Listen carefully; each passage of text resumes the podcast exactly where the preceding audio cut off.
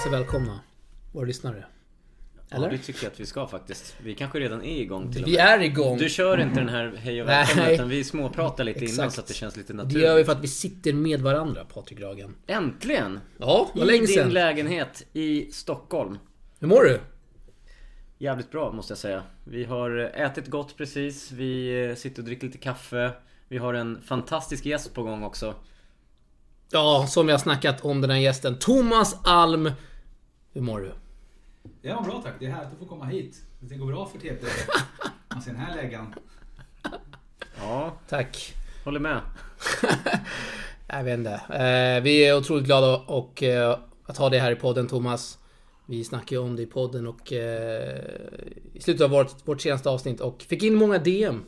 Kul att Thomas ska vara med, sa folket. Jag har fått in många frågor också som vi kommer ta senare. Men eh, vi kan väl eh, snacka om eh, din adept först.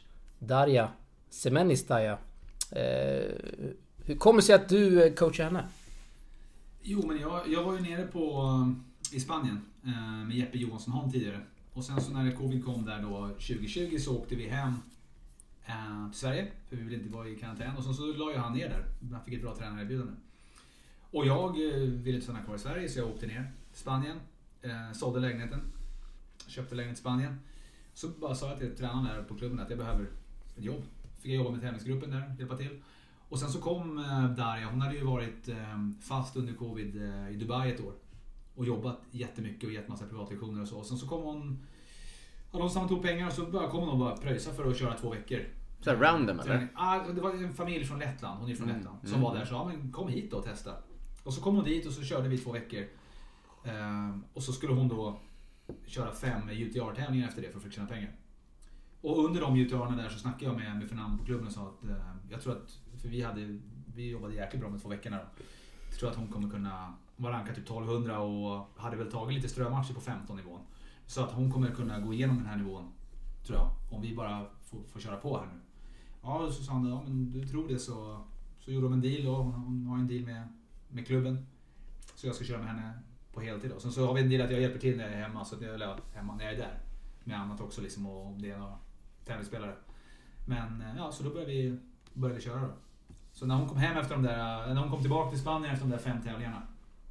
Så började vi träna och sen reste vi tillsammans och så. Sju titlar förra året. Det är mest av alla på ITF-touren.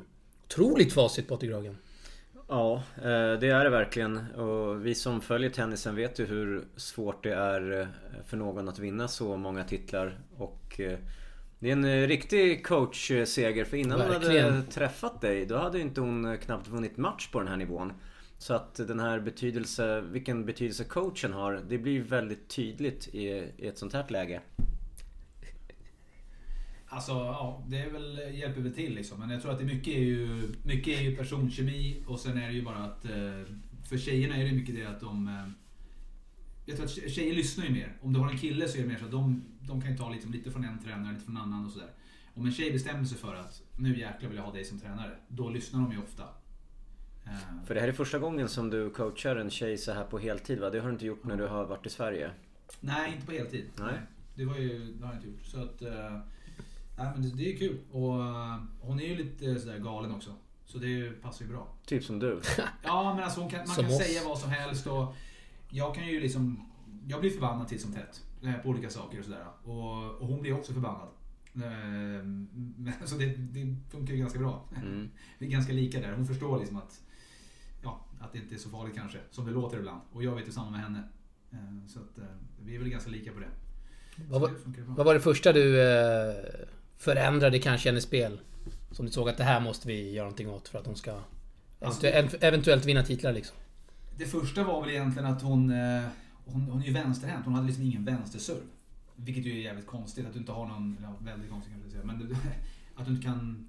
Hon hade ju liksom ingen serv utåt på ad-sidan till exempel. Den Mm. var ju obefintlig. Så mycket med, det var ju mycket liksom en stor grej där.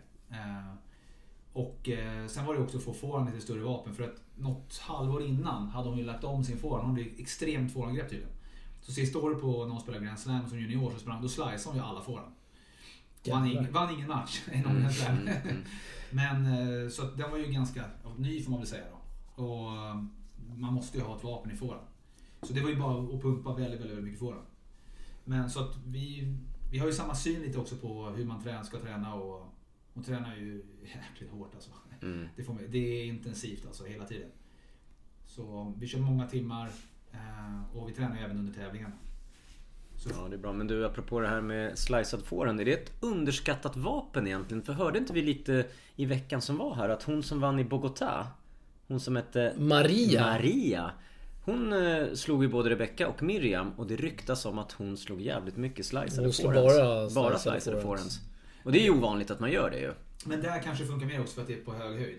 Så att det är Mm, svårare har att kontrollera som andra. För tjejer slår ju generellt, när de slår sina vanliga slag, flackare. Just det. Eh, Så att, men, det, men där kör ju den ibland fortfarande och det, det blir ju en bra tempoväxling. Mm. Men det är ju generellt med tjejerna. Slår du en hög boll och sen en hård boll så har ju många problem. Det, det, när de står och slår alla tjejer på en 15 tävling. Och det, alltså, alla ser ju bra ut. Det är ju liksom... Och sen så när de väl ska börja spela, vissa kan inte röra sig. Vissa har problem när det blir en lite hårdare boll eller lite högre boll. Eller lite, alltså, så att, eh, visst, det kan vara bra. Men jag tror inte att det... Det går inte liksom att bara peta stick liksom. Det funkar ju inte. Det, det, det är de för bra för. Om man ska Mm. vinna någonting. Du kan, kanske kan kvala in i någon tävling men eh, lägga in bollen och springa liksom, det var ju många år sedan det gick att göra så. Alltså. Du eh, nämner att hon, eller att ni kör väldigt hårt. Hur, hur hårt kör ni? Så många timmar blir det? Alltså- Ta en tävlingsvecka till exempel. Om det är en tävlingsvecka, det beror ju på. För nu var vi på fyra stycken UTR. Och då spelar det ju egentligen ingen roll hur det går. För där är det ju Och du inga- berättar lite grann bara för lyssnarna här vad, vad en UTR är. Alltså, det, det, UTR är ju som en, det är ju en ny eh, organisation. Ja, det är inte jätteny. De har ju haft, de har ju en Universal Tennis Rating är det väl kort för tror jag. Mm. Och då har de, nu har de ju startat med proffstävlingar också. Och då, UTR funkar så, de har sitt eget ratingsystem. Ehm, och du får- Magiskt system vill jag bara flika in. Ja, Ja, du, men du, får, du måste vara utanför topp 200 på VTA för att få vara med. okej. Så att det är ju det är ju bra liksom. Du, tjejerna delas in i, i, i poolspel. Så det är lite som Kalle Anka, eller vad heter det, Next Generation Cup. Att om du, det är väl fyra grupper med fem i varje. Så måndag till fredag så har du fyra matchdagar och en vilodag. Och sen så spelar du då, så kommer du etta i din grupp, då får du komma liksom spela semifinaler och eventuell final bland ettorna och sen tvåorna, treorna, fyrorna och femmorna. Och så får du pengar därefter då. Och prispengarna i de här typen av tävlingar är bättre än i vanliga här- future-tävlingar. Alltså, när vi åkte på vår första tävling, då åkte vi eh, första resan tillsammans. Då åkte vi två veckor till Prokuplje i Serbien och spelade, och spelade två 15 futures. Då vann hon dem båda. Och sen så åkte vi till Djokovic Akademi och spelade en sån här som hon också vann. Mm. Och den fick hon ju så här 100 dollar mer för än vad hon fick för båda de andra. så att det är bra att skaffa Ja, pengar. Men, nu har vi snackat om det att, och eh, ibland är det där har vi haft lite, lite skilda meningar liksom. Men jag menar på att vi må, hon måste ju gå för pengarna. Vi måste ju få in Mm. cashet. Mm. Samtidigt så måste ju tennisen också vara... Det det får inte liksom bli att hennes spel och hennes utveckling, för hon är ändå så pass ung att det går att utveckla väldigt mycket. Och hon har utvecklat jättemycket bara på det här året. Vi har kört lite drygt nu. Så att nu när vi var så var det ju... Hon var en semifinal, två andra platser och en vinst på fyra veckor. Men då var det så, vi tränar ju en timme på morgonen och sen så är det ju match och sen så är det en, en och en halv timme på kvällen.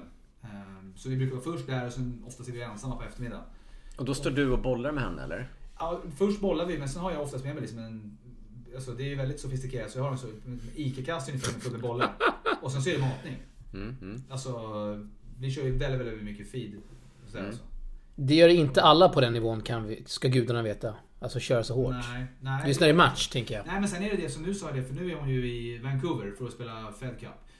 Och då är det ju tydligen, vad jag förstår så är det, eh, de spelar två singlar på fredagen, två på lördagen och om det behövs en dubbel så spelas den också på lördagen. Så det är klart på lördag. All right. Jag trodde det var lördag söndag men tydligen inte då. Ehm, och då, eh, alltså, sa det, nu får det vara som en liksom, eh, det är inte vilovecka men liksom lite active recovery week som jag sa till henne då. För att du, försök att vila lite den här veckan nu. Så att du kan, liksom, kanske kan få gå in på fredag och vara lite fräsch. För det var ju länge sedan hon var fräsch liksom i, i kroppen. Det var ju när vi körde alla de tävlingarna förra sommaren där när hon vann ganska mycket. Då var det ju, där var det ju, gick hon ju på knäna liksom på slutet där efter den fjärde då, eh, tävlingen efter sommaren. Då hade hon ett hål i foten liksom. Hon kunde inte knyta skorna, Hon fick spela löparskor oknutna. Det, det är ju tufft. Liksom. Ehm, och, men samtidigt så här, det är ju alltid en balansgång. Hur, elitidrott är ju tufft. Och i den här åldern, jag menar, hade hon varit 29 istället för 19. Då hade vi ju sannolikt gjort det annorlunda. Då kanske man hade kört ett pass om dagen och kört mer, mer tvåpass fys eller någonting istället. Men nu måste man ju försöka få in det där liksom, så de får träna. Så att de här fyra veckorna nu har vi ju kört riktigt mycket. Vi har kört intervaller, vi har kört styrka, core och så liksom kört två träningspass och en match varje dag mer eller mindre. Du får jävligt bra träning av sig. Maskin. Ja, det, Det är ju en bonus. Va? ja, det, men det blir de här tränarslagen. Man ställer sig tre meter bakom baslinjen bara för att inte missa liksom. Så att det blir inte så här. Jag skulle inte gå in och vinna eh, TP Open, Amateur Open. Det tror jag nog. Ja, det tror jag nog också. Men du, hur, mycket har du, hur har du förändrats som, som tränare det här året med Darja kontra hur du var innan? Eh, För jag antar att det, ställ, det ställs ju mer krav även på dig att vara en bättre tränare när du tränar en tjej på den här nivån kontra de du har tränat innan. Vilket ju såklart sätter en viss press på dig med utöver den som hon har på sig själv. Alltså, det, det är liksom ganska likt alltså. Det är inte så stor skillnad.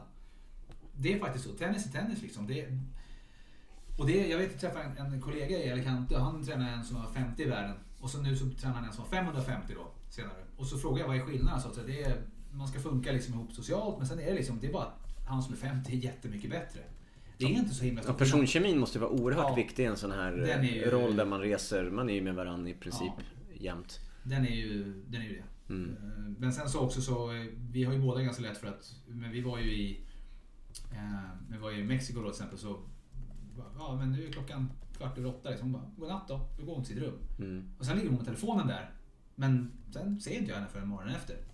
Eh, Och det där är ganska skönt, så jag kan gå och göra mitt, hon gör sitt liksom emellan. Man behöver inte hela tiden, man behöver inte underhålla henne liksom. Hur länge får hon sitta med telefonen?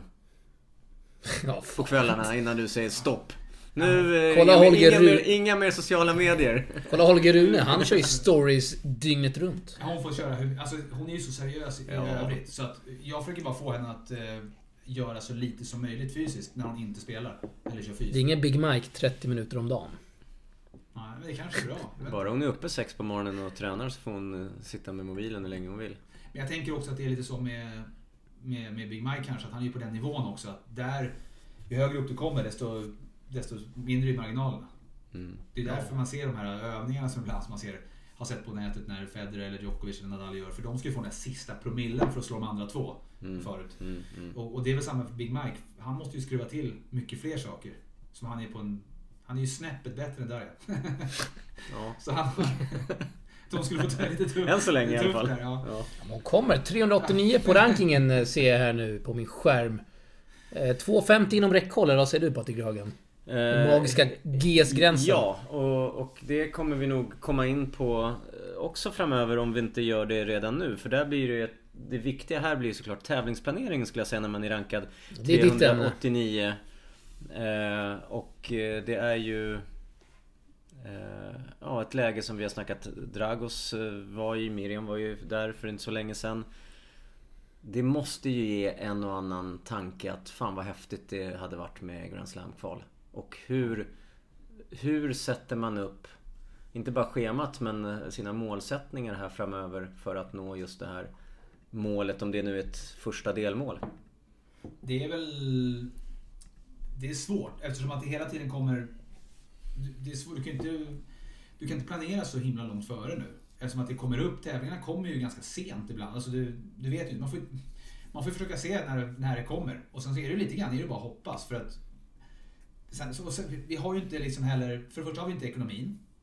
Alltså den är inte så, du kan inte åka var som helst när vi vill. Du Mm. vet jag, en tjej som jag, som jag känner lite grann som jag följer, hon, hade ju, hon spelade ju så här 34 tävlingar förra året. Liksom.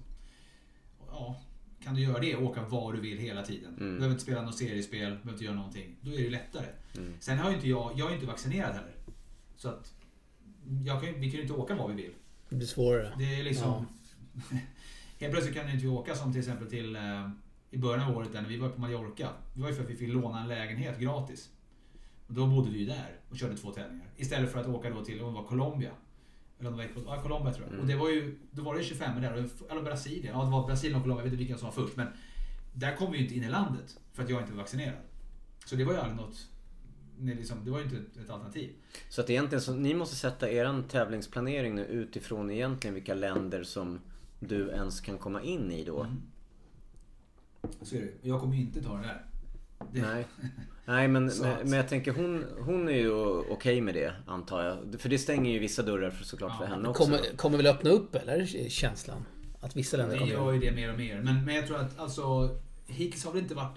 Jag vet inte hur mycket problem det är. För att jag vet ju att det är mycket snack. Och man, det finns ju olika hur tränare pratar. Oftast är det ju de gamla mot de unga. De gamla tränarna, de är mer såhär liksom att "Nej, helvete, du ska bara vinna matcherna. Och så, så liksom, medan eh, det spelar ingen roll var du tävlar någonstans. Du, är du tillräckligt bra så vinner du.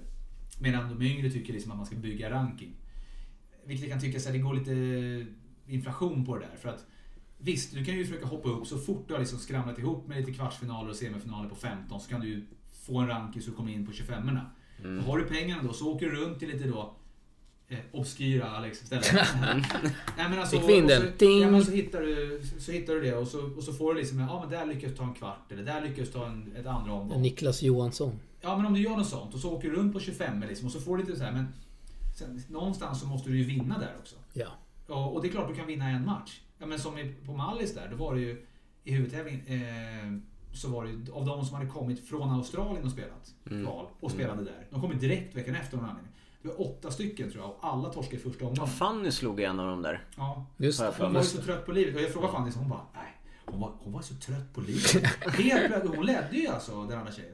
Och så, så började Fanny spela upp sig där och liksom taggade till och bara hon vek hon ner sig fullständigt. Alltså komma från ett Grand Slam-kval i Australien till en Future i, på Mallis. Ja, och jetlag på det och kanske en Ja, men det, jag har börjat- obskyr long flight. Man har fått lite insikt ändå nu på lite grann hur det funkar. Eh, I och med hur, de, hur, de, hur snacket går bland tjejerna. För att alla pratar ju ryska typ i hela världen utom jag, känns det som. För där går ju så bara så börjar de med det. Och då snackar de med alla de här som har legat där uppe, som ligger där uppe, som känner någon, som liksom, vars syrra har legat där uppe. Och, och det verkar ju som att de, de tänker liksom att okej, du ska komma in först i kvalen, Grand Slam. Första omgången, då vill man först vill man bara komma in. Sen första omgången vill man väldigt gärna vinna. Andra omgången är man lite mer eh, sådär att, ja, då kan man slappna av lite. Men sen i kvalfinalen vill man ju så gärna vinna för det är så väldigt bra att gå in i huvudet. Men de här fyra Grand Slamarna är ju liksom, det är det man vill vara med i. Mm. Och sen är det så här, spelar ju inte riktigt, de, de spelar ju mycket, många tävlingar. Liksom, det gör de ju, fast det, inte, blir inte lika viktigt att spela de här 25orna och Nej. så, sen är det ju samma spelare nu den här... Nu i, var det Pretoria va? Äh, Så spelade ju Tikhonova som där jag spelade dubbel med i Santo Domingo vann väl finalen mot Lina Glushko. Och Glushko var den som där slog i 25an i Cancun. Just De möttes i final i 60 där. Och det var bra, alltså Glushko slog bra spelare och slog de som var 2,50 och sådär. På vägen fram. Men det ger ju också Darja hopp, eller framförallt ett kvitto på att hon vet vad hon kan vara kapabel till. Och eh, med tanke på att de, du sa att de möttes i en final i en 60 Som var lite off för att det var långt nere i Sydafrika då. Så att med den tävlingsplaneringen att om det dyker upp en obskyr 60 eller en 125 någonstans så finns det möjligheter att slå sig igenom om man har lite tur. Så är det, men det är ju väldigt mycket samma tjejer som åker runt. De, de Mm. spelar ju, många gånger är det ju samma på 25orna och jag menar, ser du den som den där jag vann där. Först var det ju kvalet då, två ganska lätta matcher. Så mötte hon någon tjej som var 400 som hon slog i avgörande då. Och sen är liksom i huvudet var det ju någon 290 rankade första, 238 rankade andra, 135 rankade i kvarten och så 230 och sen 370. Så det var ju ganska så här, Bara bra ganska tuffa matcher liksom. Mm. Och, och det där kunde ju lika gärna varit en 60 Mm, så att det är så himla bland... Men man vet inte riktigt heller. Ibland så bara... Det är sån otur att slå de här spelarna i just en tävling som är en 25 i det här fallet. Ja. För att det hade kunnat gett så mycket mer Så poäng om man hade... Om det hade varit en 60 såklart. Samtidigt är det också skönt att slå några relativt sett till Daya nu då, högt rankade på raken. Mm. För att man vet ju själv, man är tennisspelare och, och, och tenniscoacher, kanske jag som har, bara har fel, men jag tycker det är så roligt att när någon säger att Ja men jag, nu slog du den här som 220, åh gud det är så bra. Och så här, ja, det är det ju. Och det är klart man ska som tränare försöka liksom peppa upp självförtroendet hos sin adept, men när vi förlorar, om du är rankad 400 och så torskar du mot någon som är 900, ja men då var ju det för att du hade en dålig dag. Men den personen som är 900 kommer ju säga att åh vad bra, jag slog en som var 400. Mm. Ja, men alla tjejerna är ju så här också. Du vet ju aldrig vad som kommer hända. Det, det är ju så lustigt när man kollar när det är herrarna, herrtävling och damtävling samtidigt. För herrarna är ju generellt, känns det som, lite vekare mentalt. De, de blir sura på så här konstiga grejer. Liksom. De, ja, men det var ja, Sportdryck tog slut. Eller han skrek vamos tre gånger. Så det var ju någon som sa till domaren för att, på mig. För att han sa vamos. Och så sa till domaren, får han skrika sådär? Men bara, va? Vad fan? Men, men tjejerna däremot, de, de är ganska tuffa. Alltså, de är tuffa mot varandra, de är tuffa, tuffa mot coacherna, de är tuffa mot Det domarna. gillar man att höra. Men Mm. däremot är det tjejerna som, det kanske inte folk gillar man säger, men som tjejer i min erfarenhet eh, är utanför banan också. Att helt plötsligt bara så blir är det någonting som man bara, va? Vad händer nu? Varför är du arg nu? Det, det har inte hänt något. Du har inte ens just förlorat, det är inte så att du hade liksom sett boll och torskat sättet eller någonting. Helt plötsligt bara, poff. Nu är hon arg. Ja. Och då är det så här, då kan matcherna bli liksom 6-2, 5-7, 6-2. Bara för att det står 6-2, 4-1 och så, så bara, nej nu, nu är jag arg. Och det, det där, det är mycket mer upp och ner humörmässigt. Det där har jag hört från eh, en Grand Slam coach eh, som eh, hade Sloane Stevens när jag var nere i Australien med Eli. Då sa han första veckan är bara känslor. Det Ingen, mindre taktik eller ingen taktik alls. Nej men det ska man ju säga till sin, om man har en tjej också som man tränar. Jag säger till Darja ju liksom, och det tycker jag alla ska säga att alltså, visst, du, men de andra är, är också känslo, känslosamma. Ja. Så att du vet ju aldrig någonting så försök bara hålla dig så, så jämnt som det går. Och framförallt om det händer så liksom, hur gör jag för att ta mig ur det igen så att jag inte lackar ur och hela matchen går. För ju högre upp man kommer desto mindre marginaler är det.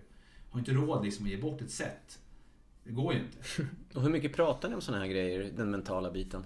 Hur, hur, så att säga, hur övar ni på det i, eran träning, i ert träningsupplägg?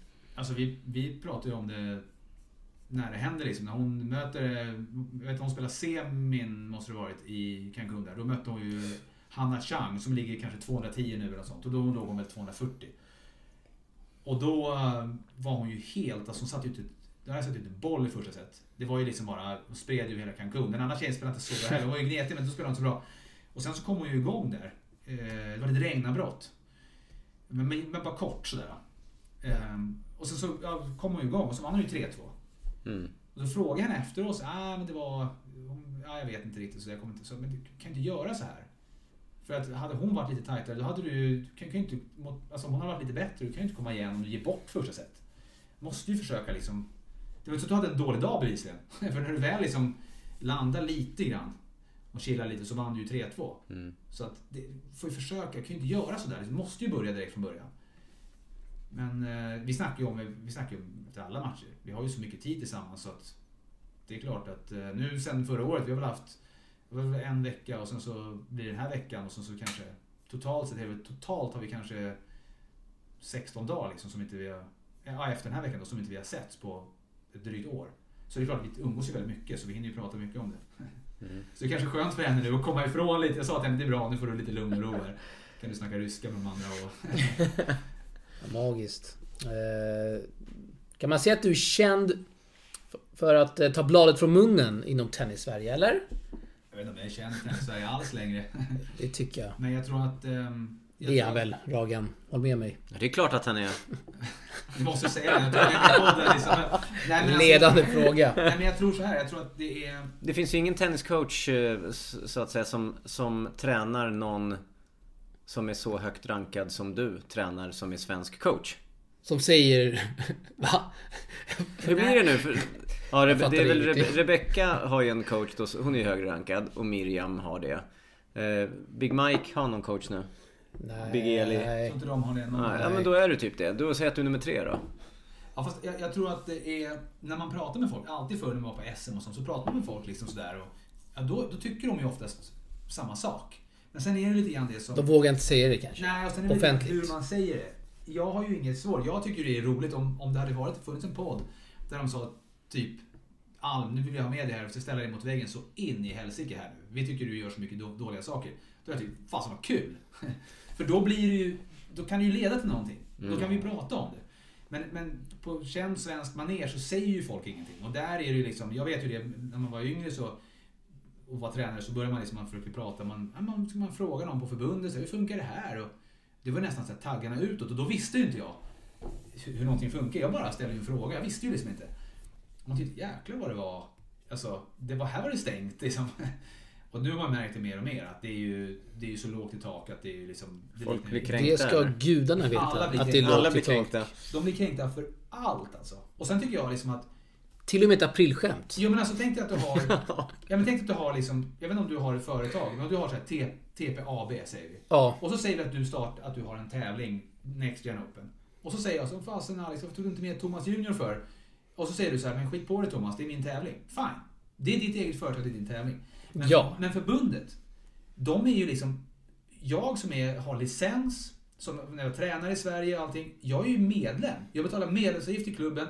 Ska, ska ni liksom inte... Du kan i alla fall bara, om jag ställer en fråga, då kan ni väl svara på det. Och, och även då om det är så att, nej nej, för det är ju också... Verkligen. Men, men även då om vi säger att de säger att nej, vi måste inte svara på det. Vi, nej, det, stå, det är tyvärr så, Alm här, vi behöver inte svara på det. Nej, men det vore väl lättast för er själva att vara lite transparenta, för då slipper ni ju all skit. Det, det är ju så mycket lättare. Jag vet att för, för länge sedan till exempel så hade de ju att varje landslagscoach från de olika åldrarna fick ju sida på SM. Så det var ju som med Wimbledon, de sidar ju inte alltid på rankingen. Utan coacherna gick in och sidade. Sen kom ju Henrik Holm ett år och blev coach. Han bara, jag går på rankingen. Och det var ju så bra, det var ju inget tjafs. Mm. Då visste man ju. Och sen var det någon legendar, Henrik Holm. Så var det någon som var 14 som åkte och spelade så här 21-klass i Kramfors och fick massa poäng. För det gick ju på medelpoängen då, hur mycket poäng man fick. Liksom. Så de vann en VO, då fick de mer poäng än vad de fick för att vinna SM. Liksom. Och så gick de upp och sa, ja men fine, då får man väl hålla på då och försöka rigga det om man kan. Om man vill göra det. Men då vet man vad som gäller. Och där tycker jag att det skulle kunna vara det skulle kunna vara bättre om, om man bara sa liksom att men vad ska vi göra för att, för, för att få vara med här? Vad, vad är det som är kriterierna? Liksom? Men det, det är svårt, man får ju inga svar. Liksom. Och då blir det ju så att då blir det ju snack. Eh, och då är ju, jag säger ju vad jag tycker då. Och då tycker jag så här, det här är för jävligt, jag tycker ni är inkompetenta och då blir de arga. Så, men säg då till mig istället. Säg till mig vad, vad, vad det är. Så att när någon på min tennisklubb, och vi har en tennisklubb på 15 spelare som är Stockholmseliten och som är nära Sverigetoppen förut då. Och så frågar de mig, Thomas, är, hur ska vi göra för att få vara med där? Då vill jag ju kunna fråga förbundet och så vill jag ju kunna förmedla det till mina spelare. Men då, då är det sån här, bara liksom vagt och liksom, nej, ungefär som att det är någon som är för mer och inte kan förklara det och berätta det. Mm. Säg det bara då. Annars blir jag irriterad. Och jag var ju på så mycket matcher, jag var ju överallt när jag var, jobbade i Sverige. Och då är det klart så här, ja, då pratar man, så står man och väntar och det är liksom femte lediga. Så står man och snackar med någon och helt plötsligt så ser vi liksom tio pers där som står och snackar och jag snackar mest. Och då kommer- Magiskt. så kommer jag ju säga vad jag tycker liksom. Och då tycker jag Ja. att det är dåligt. Jag tycker det är dåligt. Och, och, alltså så här, det, och för dem själva. Jag lyssnade på ert avsnitt med, när ni pratade om Turkietresan de gjorde. Och jag, jag förstår liksom att den där Turkietresan, för de som inte har hört det, var ju att de, de ställde in tävlingarna i, i, i Sverige, Future-tävlingarna. Det gick ju att ha tävlingar då överallt annars i hela världen typ, men inte i Sverige. Det var 2021 va? Ja, det var, det Covid, var, eh, vi var så irriterade för att man... När man skyller det på corona. lätt att skylla på corona fast det inte längre behövdes skyllas på corona. Nej, det var ju Ja, men exakt. Men, men säg då att, det, att de, de, det var någonting som gjorde att det gick inte att ha just i Sverige. Och så säger de att Nej, men nu ska vi köra en resa x antal veckor nu då till Turkiet. Och där har man ju hört så mycket så att det är ju... det- För det första liksom, vilka får åka? Sen hade ju vissa tränare med sig. Ja. Vilk, vilka fick ha tränare med sig? Och då var det någon som berättade att det var Mattias Arvidsson som tog ut. Det, allt det här är ju bara hörsägen, Jag vet ju inte. Det här, jag har ju fått höra från olika håll så här. Jaha, och sen så var den ena tränaren, den hejade för mycket på sin adept. Eh, och sen så fick jag höra att den som hade, den som hade blivit hejad emot berättade sen att den hade fått att tränaren som hade hejat mot henne skulle ha varit ansvarig för henne också. Sin tränare med sig. Och då blir det ju ännu snurrigare. För den hade inte sin tränare med sig, för den tränaren var rädd för att få bli förkyld. Ja, fan. För att få covid då. Och så blir han så okej. Och då blir det så här, men säg bara hur det är. Vilka får åka med? Ja, vem som helst kunde ju åka, Ja, med, men åka vilka ner. tränare får åka med? Ja, om du då har med, om jag har, kommer med som tränare, är jag då tränare till min spelare? Eller ska jag vara någon slags allmän för förbundet? Alltså det, men säg bara så att man alla vet. Och så ställer man en fråga, då får man, man får inga svar. Nu har jag inte ställt frågor just i det här fallet. Så om någon förbundet hör det här kanske de säger, jo jo, vi hade svarat. Ja, men generellt är det väl väldigt stängt så. Det är väldigt svårt att få några svar. Kan jag intyga gott om. Så är det ju. Och då blir det ju snack. veta. Då blir det ju snack också. Det, är ju så. blir det. Då, då, då kommer ju snacket. Och det har varit, jag, hade jag varit på förbundet hade jag ju velat ha så jäkla mycket mer öppet. Och vad beror det på? Är det liksom de människorna som man anställer där, är de... Man anställer med flit folk som eh, är dåliga kommunikatörer eller konflikträdda eller... Alltså jag tror, under åren som jag har varit eh, inom tennisen så har det känts som att folk som man ändå tycker att, ja men fasen vad bra, nu kommer den här personen in. Och så, så liksom, de ändras lite grann. Det är som att man liksom, nu är jag lite, jag är lite bättre nu för nu är jag Och jag tror att det har att göra med, för jag vet att Det blir lite kultur så kanske, Ja, men jag tror också att man, man, du får ju en status plötsligt.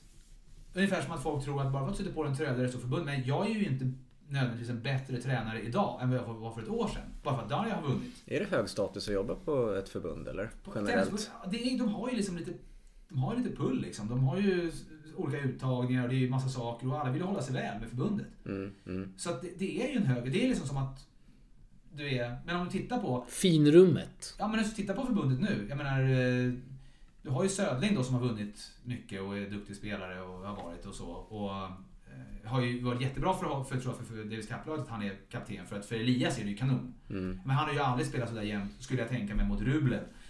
som han gjorde. Nej, för nej, han har. Södling på bänken. Det, det, det, gör ju, det är ju fantastiskt. Måste, alltså, det tror jag är jättebra. Tittar du sen, jag vet inte. Jag hade ju inte velat vara den där personen som ska sitta och ge WC'n och ta ut till alltså, läger och ge pengar och alltså bara Thomas, nu får du bestämma här och så ska jag sitta och ge för helvete. Då skulle jag ju göra supertydliga kriterier.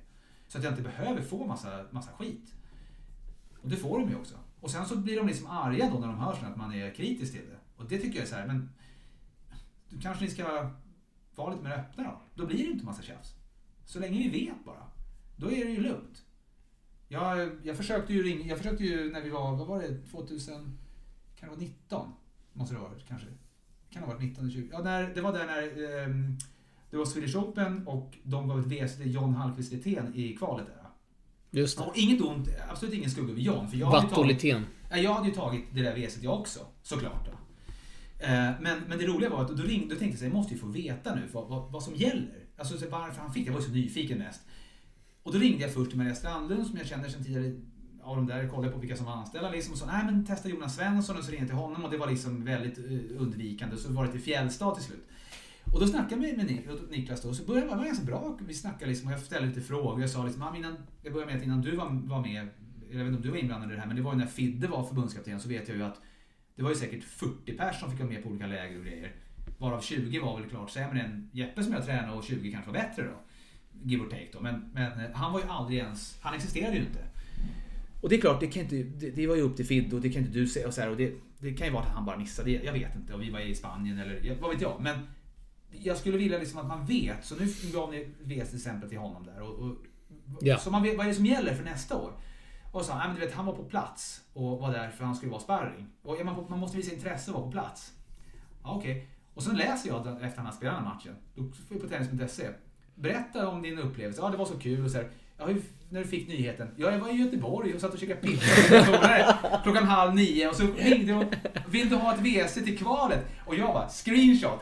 Smsa till Fjällstad. Han Och bara, åt kebabrulle. Ja, det här stämde ju inte Fjällstad. Och han bara, nej han skulle varit där.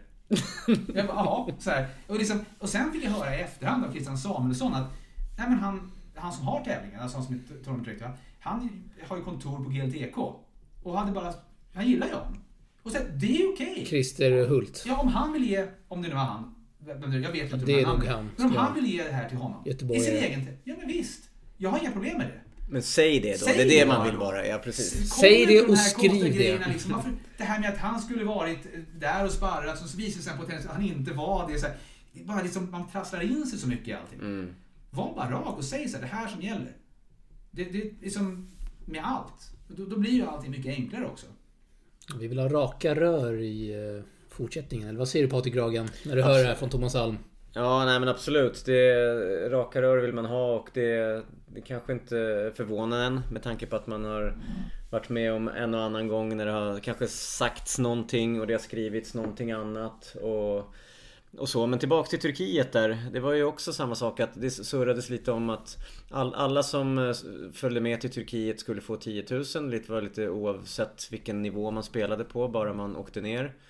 Eh, det kontra att bara välja ut ett par spelare och ge dem ett högre ekonomiskt stöd som kanske är de som satsar mer. Hade det varit bättre? Det, det är så svårt att säga det här som att det här var, det var så blixtinkallat. Det är så speciellt det här. Men generellt, ja, för jag har lyssnat, jag har ju lyssnat alltid givetvis på, på Source, den bästa En ära podden i Sverige. att du säger och det. när ni pratade med, ni hade med, jag kanske var till och med att det var video då. Eh, men det här var många år sedan. Det var när Lister var med. För då vet jag att då fick ju hon, då hade hon precis då börjat få stöd från förbundet. Hon tyckte äntligen, hade hon fått. Och då tänkte jag så här, men för att snacka med några där och så, men tycker ni att det är rätt eller fel att hon får stöd? Och då var det någon som tyckte att, nej jag tycker inte hon, men de flesta tyckte väl att det borde hon få. Och, så, fast, och vad tycker du då? Så, nej, men jag tycker att, jag har ju, hade ju ändå Jeppe som spelade på heltid. Mm. Och han låg ju som tusen. Mm. Okej, det är inte fantastiskt. Men det, det borde ju vara ganska klart och tydligt. Alltså det är inte så många som kör på heltid. Ta bort college-spelarna, de, kör inte på, de, ju, de åker ju på college. Och så kollar du, vilka har vi? Det kan inte vara mer än liksom 10 killar och 10 tjejer kanske. Som kör mer än nej, nej, det är färre. 15-20 Ja, men veckor per år. Färre än så alltså. Om Ja, om vi är kan räkna dem på snälla. handen. Exakt, om vi är snälla. Kolla Ja, de som är rankade bara. Ja. Och så kolla, alla som har något spelranking, VTA-ranking. Mejla dem. Det är inte så svårt att hitta mejl och så. Eller, eller smsa eller någonting. Och så, Instagram DM. ja, det här. Brukar jag köra. Ja, precis. Det här är vad som gäller. Om ni gör de här resultaten under 2021, då får ni de här pengarna 2022. Har ni den ranking det här året, då får ni de här pengarna nästa år. Väldigt enkelt Ja, och rakt. och om det var utkommunicerat och eh, listan hade uppfyllt de, de eh, kriterierna, då ska hon ju få de pengarna. Men att bara någon ska sitta och säga så här, "Nej, men jag tycker fasen alltså, Patrik, ja, du gjorde det bra i år, här har du 100 000. Mm. Så här, det tycker jag är så himla... Jag, jag har svårt för det alltså. Vi ska säga att många förbund har väldigt tydliga riktlinjer. Alltså det finns väldigt tydliga... Typ ett, ett, en ranking du måste uppnå för att få de här pengarna. Så Ja, vissa då- länder har ju det, uppenbarligen. Det var någon som sa det när jag frågade ja men jag tycker att, ja, men du, kunde bara mejla till eller ringa vem du nu var på förbundet. Jag, jag vet inte om det var Fjällstad som är ansvarig för eliten eller någon, någon, någon. Du bara mejlar dem så får du veta kriterierna. Men sen, vad fasen. Ska jag, jag, jag hade ju inte vetat om att det fanns ett sånt här stöd om inte jag hade hört på Source. Mm. Jag visste ju inte det. nej. Jag hade ju aldrig fått reda på det för jag känner ju inte Cornelia tillräckligt, vi pratar ju inte. Mm. Hur skulle jag fått liksom... Det hade jag aldrig vetat. Och det kanske är så då att de har sagt, ja om Jeppe hade varit innanför topp 1000 där, då kanske han hade fått någonting. Ja men då hade vi kanske, ja, fast det är värt det. Vi, vi åker till Turkiet tre veckor till i december för att försöka få den här rankingen innan årsskiftet då. Men man vet, bara så att man vet. Det, det, som sagt, jag tycker det gör ju allting så himla mycket lättare. Säg bara vad som gäller. Ja, får vi hoppas att uh, det blir så i fortsättningen. Uh. Cornelia som slutade alldeles för tidigt. Hade Ja. förbundet eller något inom svensk tennis kunnat gjort att hon på något sätt skulle spelat vidare? Att man... Ja, det är många som gått över till hon- padden, inte bara Cornelia. Men ja, Nej, men framförallt absolut, Cornelia då om- kanske, om det på den var- nivån. Vad jag förstår så, så var det för henne... Det blev, även där vart väldigt jobbigt med covid och med Mm. resor och hon kom fram till att, eh, att hon kanske hade tappat eh, lusten lite grann. Eh, undrar man ju om det gjordes någonting för att försöka få henne kanske på, på andra tankar eller om det var... Ja, jag, vet, jag, vet ju att, jag vet ju inte, men vad jag hört så hade hon väl lite liksom, det var mycket det mentala att hon inte riktigt... Mm. Jag tror ju att det är, det är svårt också för hon var ju uppe där rätt högt. Och spelade Mm. mm. slammerna och liksom sådär. Och sen om du går ner lite grann, så jag vet inte om hon hade, det kan, jag vet ju inte men att du inte har Mm. samma partner. Så kan det vara. Sitta någon och så ska du börja om lite grann igen och sen så bara... För hon hade ändå uppfyllt mycket, många av sina drömmar och fått spela VTA och spela Grand Slam och allt sånt. Så att det var ju kanske det som, kanske så det var som du säger. Att Ja, sen gå kanske. ner ett steg så blir det extra jobbigt att försöka kämpa sig upp igen. Ja, hon är så, Ja. men hon gjorde ju en superkarriär. Jag har faktiskt, Verkligen, jag har faktiskt en jäkligt bra Cornelia-historia. För när jag var i Båstad vid Vintertour så kom hon dit och spela och sen så... Jag visste inte ens att hon visste vad jag hette. Hon kom dit och någon annan tog emot henne. Nu sa du Bålsta, så bara Bålsta. lyssnarna Inte hör det. Inte Båstad. Så kommer vi där inomhus och så säger jag så här, så, eh, så spelar hon, ligger under 4-1. Hon, hon drog ju stenhårt i som flagg. Ja, och så bara, Thomas, Thomas, ja, kan du komma och mäta nätet? Det är för högt alltså. Jag bara, okej. Så går jag, vi hade sån här mätsticka, sån här exakt. Mm, mm. Och det var liksom 2 millimeter, men det är 2 millimeter. Ja, men kan du, kan du sänka? Jag bara, va? Ja, ja, okej, så jag fick ju ta den här veven så sänkte jag liksom så här, är du så här, Hon bara, ja men nu är jag nöjd. Vinner hon 6-4, 6-1. Och motståndaren sa, inte, sa ingenting. Nej, nej, men hon, hon hade ju rätt. Ja, ja. två Legendar alltså, Efter det så bara, hon, bara, hon missade inte boll sen. Hon bara körde över den. Det var lite kul. Ja. Mäktigt. Ja, Mäktig hon- resa hon har gjort ändå. Ja, Spelat jag eh, alla slams va? Direkt. Jätteimponerad av Cornelia Lister och hennes... eh, Vunnit en VTA. Bara Ja, det gjorde hon ju I också. dubbel. Ja, hon har gjort det jättebra. Det är ju liksom... Fan, man har glömt bort hur stor hon var egentligen. Ja, nu, nu saknade man henne lite. Det känner jag när vi pratar om henne. Ja. Får ringa upp henne här snart. Ja, ja, lätt. Det är klart vi ska göra det. Ja, det gör Följa vi. upp och se hur hon har det nu. Ja. Legendar. Cornelia Lister. Nej men... Eh, kommer bort med här. Men eh, jag har det faktiskt... Jag har, en artikel, Zooma ut lite. jag har en artikel uppe här Thomas Alm med dig. Eh, vår intervju. Då står det Sparka några på, några på förbundet och spendera ett par miljoner på henne och då... mm, Ja, Kajsa Henneman du pratar om här. Men det är en rubrik som man ändå... Man gillar att du sticker ut haken där. Det är inte många som gör det. Ja, men, men eh, alltså, det är klart att, det, är klart att jag, nu mot, det motsäger ju det jag sa nu, för jag tycker inte att någon, man ska bara ge pengar till någon spelare. Men Nej. jag känner att det, det som jag kan tycka är att det, det har inte varit så himla många... Det har inte funnits så många spelare som har haft den här en potential som man ser att det här är faktiskt en spelare som kommer kunna gå upp till Grand Slammen och sådär. Nej, som man kan satsa lite extra på. Ja, och sen, Precis. men sen tänker jag också att det är... För det, det svåra egentligen skulle jag tycka om jag skulle sätta, sätta Vita skulle vara de som satt på förbundet skulle sätta alla kriterier och riktlinjer och sådär. Så är det ju svårt att säga. Därför att Kajsa var ju till, fram till nyligen var hon bara då rankad 500. Och har du då fem spelare rankade 500, hur ska du lägga den här hur gammal man är, vilken potential man har och då blir det direkt det här igen att du ska Ja, jag tycker att den här spelaren har X potential och Patrik Ja. tycker Y och Alice tycker Z. Då blir det ju liksom... Vad fasen. Alltså det, det blir ju svårt. Så det måste ju finnas... Det måste ju såklart finnas kriterier där också. Hur man gör de här sakerna. Men det tror ju inte jag att det finns så himla mycket eh, pengar på förbundet. Jag tror inte att det är liksom... Vad var de, de sålde Sw- Swedish Open för typ 6 miljoner Mm. en gång i tiden. Och liksom... Sen blev det en vinstmaskin. Det är som en etta i Stockholm. Ja. Visst, farsan köpte just en Sex tvåa. miljoner? En liten tvåa för 6 miljoner så att... Nej, inte riktigt men... Det är otroligt Nej, men alltså. så det där är, så att, jag menar det är inte... mm, Jag tror inte att de har de, de stora, det är inte så att de har de stora pengarna direkt. Nej. Eh, Men sen ska man ju veta det också att det är inte så att förbundet har ju, har väl aldrig egentligen varit liksom, de har väl aldrig varit eh, ans, alltså det har inte varit de som har fått fram spelare någonsin utan det är ju spelarna, alltså spelarna själva som har kört och egna race och sådär. Som har, jag menar nu hade de ju den här, med så på tennis.se, den här 13 års, någon satsning på 13-åringar och sådär där de ska Just göra det. Olika, med olika tränare och det var någon video där jag kollade på. Man fick inte så mycket insikt, det såg ju mest ut Nej. att vi ska satsa på några 13-åringar. Jag reagerade på att man inte tar, tog ut fler eh, lovande Next Gen coacher som, eh, om vi tar ett begrepp från Linus då. Eh, kan man diskutera om. Men hur mycket är det egentligen ett förbundsansvar att ta fram eh, eh, spelare kontra klubben, tränaren, spelaren själv? Alltså förbundet har ju inte, att, att, i själva spelarutvecklingen noll. Mm. Mer eller mindre. Det är att de får åka på något EM och sådana saker. Men jag tänker det här, jag vet inte, om man kollar på den videon som ligger på tennis.se där så är det ju det är fyra, fem tränare där och, eller ja, det är väl några till i någon lista där. Den här ska jag vara med på de här resorna och så, så det är inte några heltidstjänster liksom. Nej. Men det här är ändå en slant. Jag tänker ju att de spelarna som vi har haft, som har varit bra som juniorer. Om vi tar Daniel Berta som, som eh, vinner liksom Båstad Tennis 14 när han är 13. Ymers som båda var framme långt i sina ett år äldre. Gustav Ström var 12 år. När han var 12 vann han ju alla fyra. Salk, SM inne, Båstad, SM ute liksom. Och alla de spelarna. Det är inte så att det är någon klubb eller något förbund som har tagit dem till, dit. Utan det är ju papporna. Eller familjerna, men mest papporna som har stått och drivit på. Så att Ja. när de kommer till det här så känns det som att den här 13-årsgrejen, det är väl mer en liksom, peppande grej för de här som får vara med. Att de får vara med på någonting och känna sig att de är del av någonting och sådär. Det kan ju finnas ett värde i det. Men det kommer ju inte göra att det är någon av dem som helt plötsligt bara Ja, men det var du vet, vi gjorde det här. Och nu, fem år senare, då står de här och spelar kvalet i franska. Liksom. Det, det är ju inte riktigt Det är väl inte riktigt rimligt att tro. Utan frågan egentligen som jag skulle ställa om jag vore på förbundet, det skulle vara hur gör vi för att få fler liksom, eh, vad heter han? Pappa von Wosen, Ymers pappa och Mattias Ström med Gustav och jag menar de här. Alltså hur, hur får vi dem? Hur får vi liksom eh, de här som driver på? Hur får vi pappa Berta?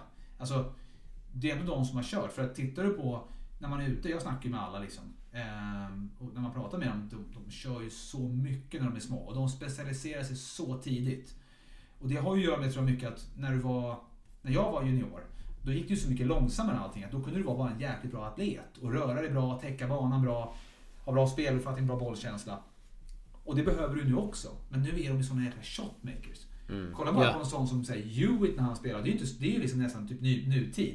Nu är han ju lika gammal som Federer men la av tidigare. Mm. Men han sprang där och gnetade och du såg inte honom. Men så att han gjorde som Djokovic eller Rafa eller Roger att de kommer ut springandes liksom ut i hörnet och så slår de den där fantastiska bananfåranden och alla de här slagen. Alltså det är ju, så att, vi satt ju i Cancun och käkade middag jag där med, med Dennis Novikov. Det är en riktig legendar Två alltså. dagar alltså.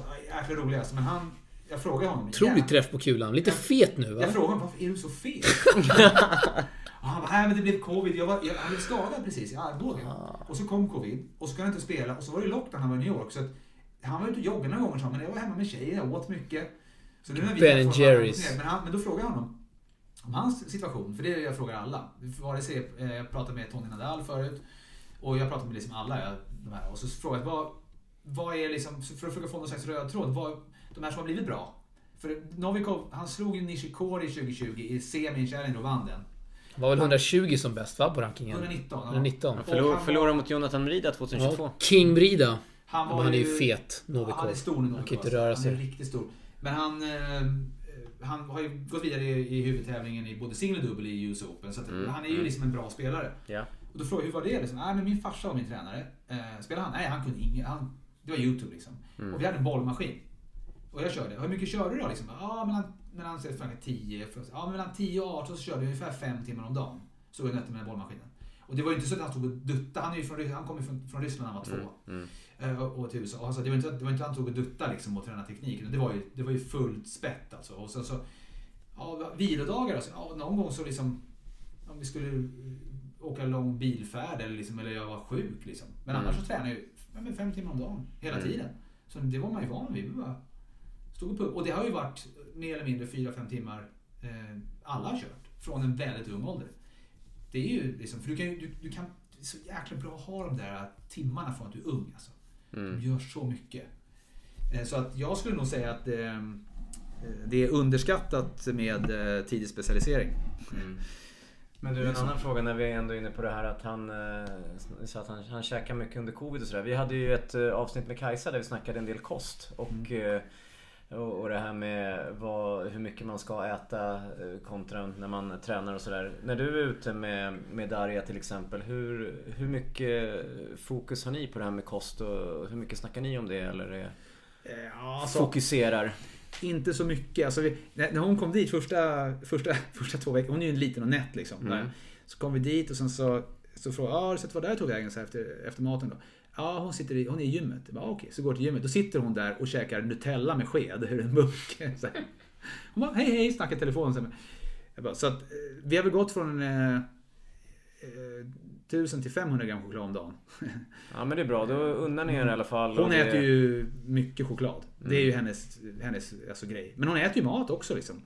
Tränar enorma mängder. Ja, så, så, Ja, och det är det som är så viktigt att få i sig just fett och kolhydrater när man Ja. tränar så pass mycket. Precis, och jag har ju sagt det till henne liksom att vi måste ju kolla. Det är klart att så här, vi kommer ju se, det kommer ju bryta ner muskler om du inte får i tillräckligt mycket protein. Mm. Men så länge du, så länge du inte äter så- mycket skit helt enkelt, choklad och i hennes fall.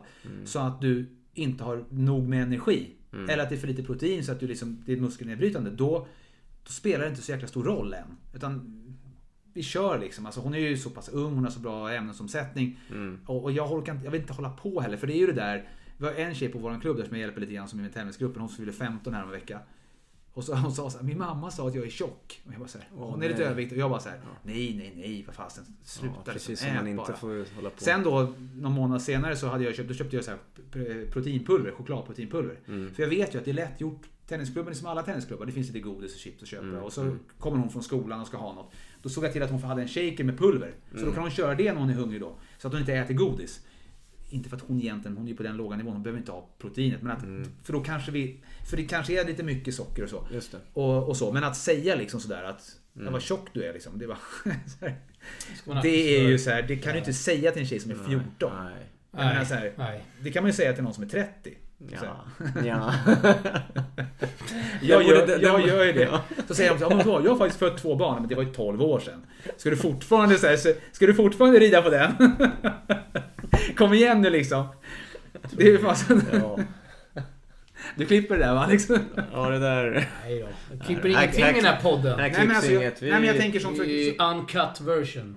Nej men någonstans är det ju ändå så alltså, att när, du, när du börjar bli lite äldre, när du är ung och framförallt tjejer som är tonåringar, det är ju känsligt på många sätt. Så är det ju. Men när du är vuxen, då är det lite faktiskt så här, då får man liksom, där får man ta sig i kragen lite tänker jag. Viktigast är att man trivs med sig själv och mår bra. Så är det ju. Så är det. Där är hon är jättenöjd. Hon bara, jag är jättenöjd med min kropp. säger. Mm. Och det är ju bra. Jag har precis köpt liksom inte- 16 Weeks of Hell här med Thomas Alm. Ja, det har du ja. Ja. ja. Ja, Ser det det- okej ut eller? Ja, det tycker jag.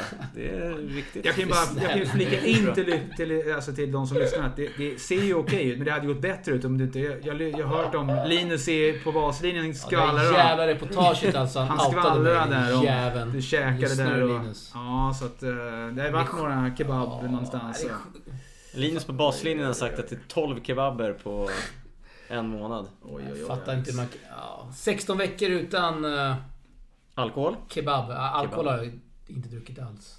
Ska gudarna veta. Kollar du sådär för?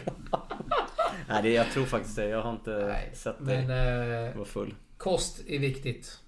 Men, Rätt kost. Rätt kost, ja. Men man ät bara liksom. Alltså det är så här, Ja. Och rör på dig. Liksom. Alltså, om man tränar så mycket som de här tjejerna och killarna gör. Då måste man äta. Fasen såklart. ät bara, vad fasen. Och hur många... Alltså, hur snyggt är någon, när någon tjej är assmal sådär? Jag menar, det är ju inte så jäkla... Vad fasen är det? Alltså kom igen nu. Det är ju, alltså nej. Ät på. Ja, det är Ät bra. för fan. Ät. Uh, ät kebab. Uh, ska vi ta lyssnarfrågor eller? Ja, det kan vi göra. Det är alltid Vi är ett för ett tidiga. Det är moment. 50 minuter. Ska vi köra en timme till sen lyssnarfrågor? Nej, vi kan faktiskt köra lyssnarfrågor för de... eh, Jag har en här som vi vill... Jag vet att det är, en hel, det är en hel del lyssnarfrågor så de kan ju faktiskt ta tid att beta sig igenom Jag idag. vet att Thomas Alm brinner för det här ämnet. Eh, Det är Robert Linde som har skickat in eh, några frågor här. Det första är var, vilka, tre, vilka tre justeringar hade haft störst impact på svensk tennis? Thomas Alm. Oj, ja, det, det är ju en väldigt... Eh, Stor fråga. Det är en stor fråga. Jävlar. Kanske vi ska ta den sista av de här. Eller? Nej, kör på! Så ett eget avsnitt om den frågan. Nej men jag skulle säga faktiskt, ehm, jag, jag vet ju att, för det var lite roligt för jag, jag, när, jag, eh, när jag skulle komma hit, det var faktiskt, jag kollade ju upp det här på, på förbundet då, för de har ju jättemånga anställda på förbundet. Eh, och jag, jag, många har de? Typ? jag alltså det, är, det är så svårt att säga hur många, de har ju många om du kollar. Över Det är ju- 10 heltid måste de ju vara. Man vet ju inte hur många heter det, men de har 12,6 miljoner i lönebudget. Så Jävlar. att det är några stycken. Sen vet man inte hur mycket de tjänar. Men, och jag tror inte många av de här är deltid och sådana saker. Men de anställde väl två stycken. De anställde ju två tjejer där vet jag i september 2020. En skulle vara någon sån klubbutveckling och en skulle vara någon sån här, var någon Jämställd, ja, exakt. Ja, en skulle vara för, för utbildningarna tror jag. Ja. En var för utbildning, en var för någon jämställdhet sådär. Och då blir man så här, ja, okej. Ehm, jag vet inte hur mycket mer sånt liksom vi behöver. För nu, jag känner ju inte dem, men de man lä- läser då så hon tjejen som, som var eh, för, för eh, utbildningarna. Ja, då kom hon från pingisen. Och så, ja men jag ser fram emot att lära känna tennis-Sverige och så där. Man bara, men hur ska du... Är, är det bara för att paketera då? För du, du vet ju ingenting. Om du kommer bara från pingisen och inte, du har inte spelat tennis. Du vet det är inte så att du ska gå in och vara... Alltså det är ju innehållet på utbildningen. Det, det kan ju inte du. Eller? Eller jag vet inte. Alltså, no, no offense. Men om du kommer från pingisen. Ska du komma liksom ut in... Ja, här står man en forehand liksom. Det kommer inte... Det kommer inte, det kommer inte flyga. Men det var, det var så här, Kanske bra på King. Har du kört det? Pingis? King? Ja, fy fan. Och, och då tänker jag så här, så att, så att jag tror att det jag tänker så här istället man Rumpa ska göra- spelade man. Rumpa spelar vi jämt i Ja, skolan. exakt. Eh, och nej, men jag tänker att det första skulle ju vara att, eh, att få ut pengar till spelarna. Det tycker jag skulle vara nummer ett. Och då skulle jag tänka så här Ja. att för, för när vi var, sista året jag var på en massa sommartour i Sverige, då pratade jag med alla klubbledare. Och så frågade jag, vad, för jag, jag börjar med att säga så här, från Svenska Tennisförbundet så får man vi har Fredrik Palm som gör ett jävla bra jobb med, med, eh, sköter ranking och tävlingskalendrarna och allt det här man ser på tavling, eh, vad heter det nu det heter eh, SVT Tournament Software. Mm. Ja. Ja. Och då, det har man, det får man ju. Alltså så man har ett, ett tävlingsutbud. Man kan vara med i en EM-lag, VM-lag om man är tillräckligt bra och, och sådana här saker. Och sen nordiska mästerskap. Och sen är det väl... ehm, ja men det finns lite utbildningar som man kan gå. Men förutom det, som alltid finns. Vad, vad har ni fått på eran klubb? Vad, vad, hur känner ni att ni har fått ut någonting av förbundet? Alltså någon gång någonsin. Och då tycker man ju att om, om det fanns något mer än det, då borde ju någon av de här klubbledarna sagt någon sak. För jag var ju ärligt intresserad. Och då tänker jag mig säga, okej, men alla de här som är anställda. Vi kanske skulle kunna omstrukturera det lite grann. Säg att du skulle tagit, att du skulle bara haft hälften av de här personerna anställda. På klubbarna skulle vi, jag kan inte se hur vi skulle se någon skillnad överhuvudtaget. Så säger vi att du, du min första sak skulle vara att du, du, tar, du har sommartouren och vintertouren nu. Du gör om det så att du har bara touren, alltså svenska touren då, eller vad du vill kalla den. Elittouren eller vad du vill kalla den. Så bara svenska medborgare får vara med. Och så kör du, kan köra slutspelet i Ystad, som det är nu. Det är ju jättefint där, de har liksom eh, boendet betalt sådär. Där kan vara slutspel. Så tar du alla tävlingar, alltså inomhus och utomhus, är touren. Puff, alla som vill ha en tävling. Och så tar du de där 6 miljonerna. 3 miljoner till herrarna, 3 till damerna. Så kan du lägga, liksom, kan du lägga en mil på varje slutspel. De andra två milen, de delar du upp på efter procentuellt hur mycket prispengar det är i varje tävling. Så tar du 20 tävlingar som lägger 10 000 kronor var, ja då får ju de en tjugondel var. Men om en tävling kommer in och liksom säger vi har 100 000 i prispengar, ja då har ju de en högre procent, då får de mer procent än de där 2 miljonerna. Och så bara puff! Och så får du inte krocka då med någon, de får inte krocka med varandra. För det Nej, var det får ju de ett jävla haveri göra. på sommaren förut när det låg så. Ja, det var ju senast, Alltså, det var ju så- senaste två åren har det Alltså, varit katastrof. Ja, och, och så, bara, så lägger, för det här är ju nästan det bästa vi har. Och då är det så här, för då tänker jag mig så här att då har vi då, ja men då kommer Gustav Ström som åker på college. Som ändå är, för något, något år sedan bara, så var ju han den bästa junioren i hela Sverige. Han gick inte att slå. Nej, han var ju bäst Nej. i Sverige bland alla juniorer. Nu var han ju äldst också visserligen, men ändå. Och när han ska åka till, på college, nu har inte jag pratat med Mattias om det, men det kanske de hade valt ändå. Men det är inte just Gustav, utan men en sån typ. Då kanske han säger, men fasen, jag kan ju faktiskt dra in liksom 250-300 000 på nationell tävlande. Då, ja, men då kan man ju faktiskt ha en lön. Och Ja. då helt plötsligt, för att det är ju jäkligt svårt att, att få ihop det liksom. Eh, och då kanske inte han hade råd på college. Då kanske han hade stannat hemma och satsat istället. Nu drog han ju på college istället. Det hade ju varit min första grej, att göra en, en nationell tour. Det andra hade ju varit att fixa till utbildningssystemet på ett sånt sätt att tekniskt till exempel och, och, och hur de spelar 12-åringar, 10-åringar, 12-åringar, 14-åringar. Ja, men, ta in någon som verkligen vet. Hur, vem vet bäst i hela Sverige hur 10, 12 och 14-åringar internationellt spelar? Dave Bandelin. Euroelite. Anställ honom på någon slags konsultgrej, det skulle han ju lätt ta. Han, är, han är så jäkla schysst, han är så otroligt bra människa. Han är så alltså, fin person och han skulle kunna... Han är jätteduktig teknik, han har varit ute och sett liksom... Alltså jag har väl varit på 150 internationella tävlingar inklusive junior och sånt, men han måste ha varit på 500. Och jättemycket juniortennis. Han vet ju exakt hur de spelar. Och anställ en sån typ. Som kan gå in och bara... Pam, pam, pam. För att jag vet ju själv när man har gått tennisutbildningar, tränarutbildningar i Sverige. Det är inte lätt alltså när det är... Du ska stå där och så är du bara... Du är ju bara en vanlig tränare som har fått ett, ett uppdrag. Och så ska du stå och berätta för 20 andra tränare, 30 andra tränare så här, så här spelar vi tennis. Ja. Alltså så har du 30 egon som sitter där. Eh, och ska liksom bara... Någon som ska berätta för oss hur vi ska träna, lära ut tennis. Det, det blir liksom... Det är svårt. Men har du Dave som säger, så här ser det ut. Hjälp oss. Alltså, gör utbildningsmaterialet. Det hade varit nummer två. Och nummer tre hade varit att man ska försöka göra någonting bättre med SM. Nu vet jag att det, man är väl lite eh, undgivna mot, eller man ska säga, mot, mot RF. För att det är ändå RF, det är de som portionerar ut pengarna. RF får ju pengar från staten och så ger de ut bidrag. Så varje gång då, vare sig det är Gustavsberg, eller det är Bålsta eller vad det nu är, så har du grupper så får du ju för varje sammankomst så får du ju pengar för varje person som är där. Ehm, det, är Ja. det, här, det är det här klassiska socialistiska, att vi tar in en jäkla massa skattepengar och sen fördelar vi dem som vi känner. Och då får ju RF och se dem till de olika specialförbunden, bland annat tennisen. Så att tennisen kanske inte kan göra det, men alltså det bästa vore ju att ha, för det första att inte få ha 12-års-SM. Jag ska, nu var det lite glassigt att det hette Åkes hönökaka cup liksom. Det är bra namn. Riktigt bra namn Men alla alltså. vet att de åker på SM. Och så, så här, Ja, ja. och det är så här, 12-års-SM och 14-års-SM, där är det bra drag.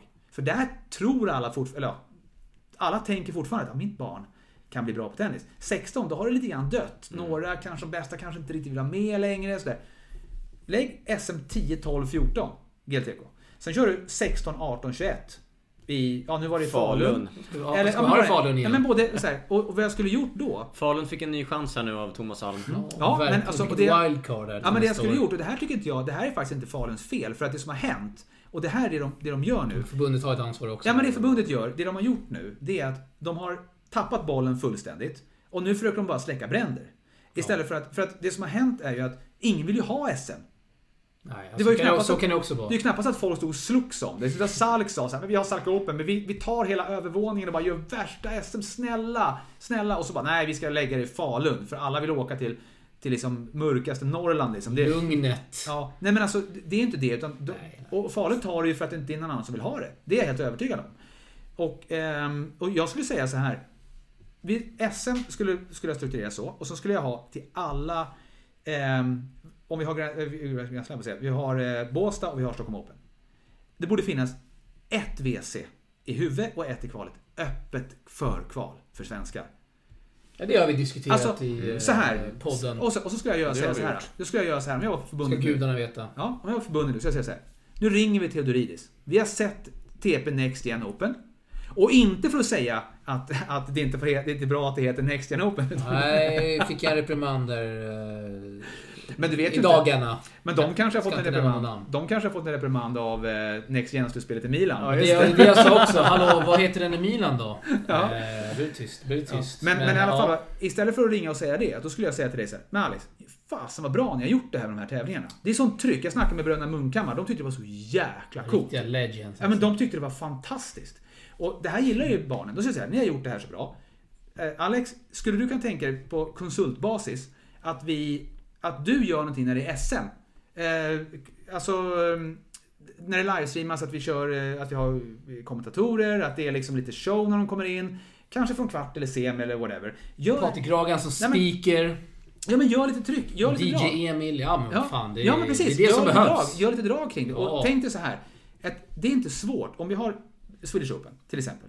Ett WC till vinnaren och ett till huvud och till kvalet till tvåan. Och så säger vi att vi har det är 16 spelare som, som vill spela, som anmäler sig.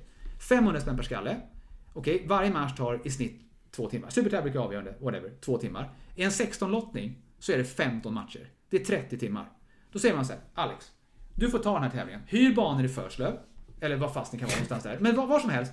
Vi hyr 30 bantimmar. Ja. Vi får 100 spänn i timmen. Vi, vi schyssta, de är schyssta. Jag vet inte vad det kostar där, men något sånt va. Det är 3000 spänn. De här personerna, de här 16, de har pröjsat 500 spänn var. Ja. Ja, det är 8000. Det är 3000 spänn till banorna. Alex, du får 5000 för att du tar hand om den här Det är taget. Du gör intervjuer, du gör lite grejer runt omkring det och de får spela om ett WC. Och fatta! toppen idé här från Thomas. Ja men alltså vem det än är. Alltså, så här, fattar du liksom? Då, och vad kul. Tänk att se de här matcherna.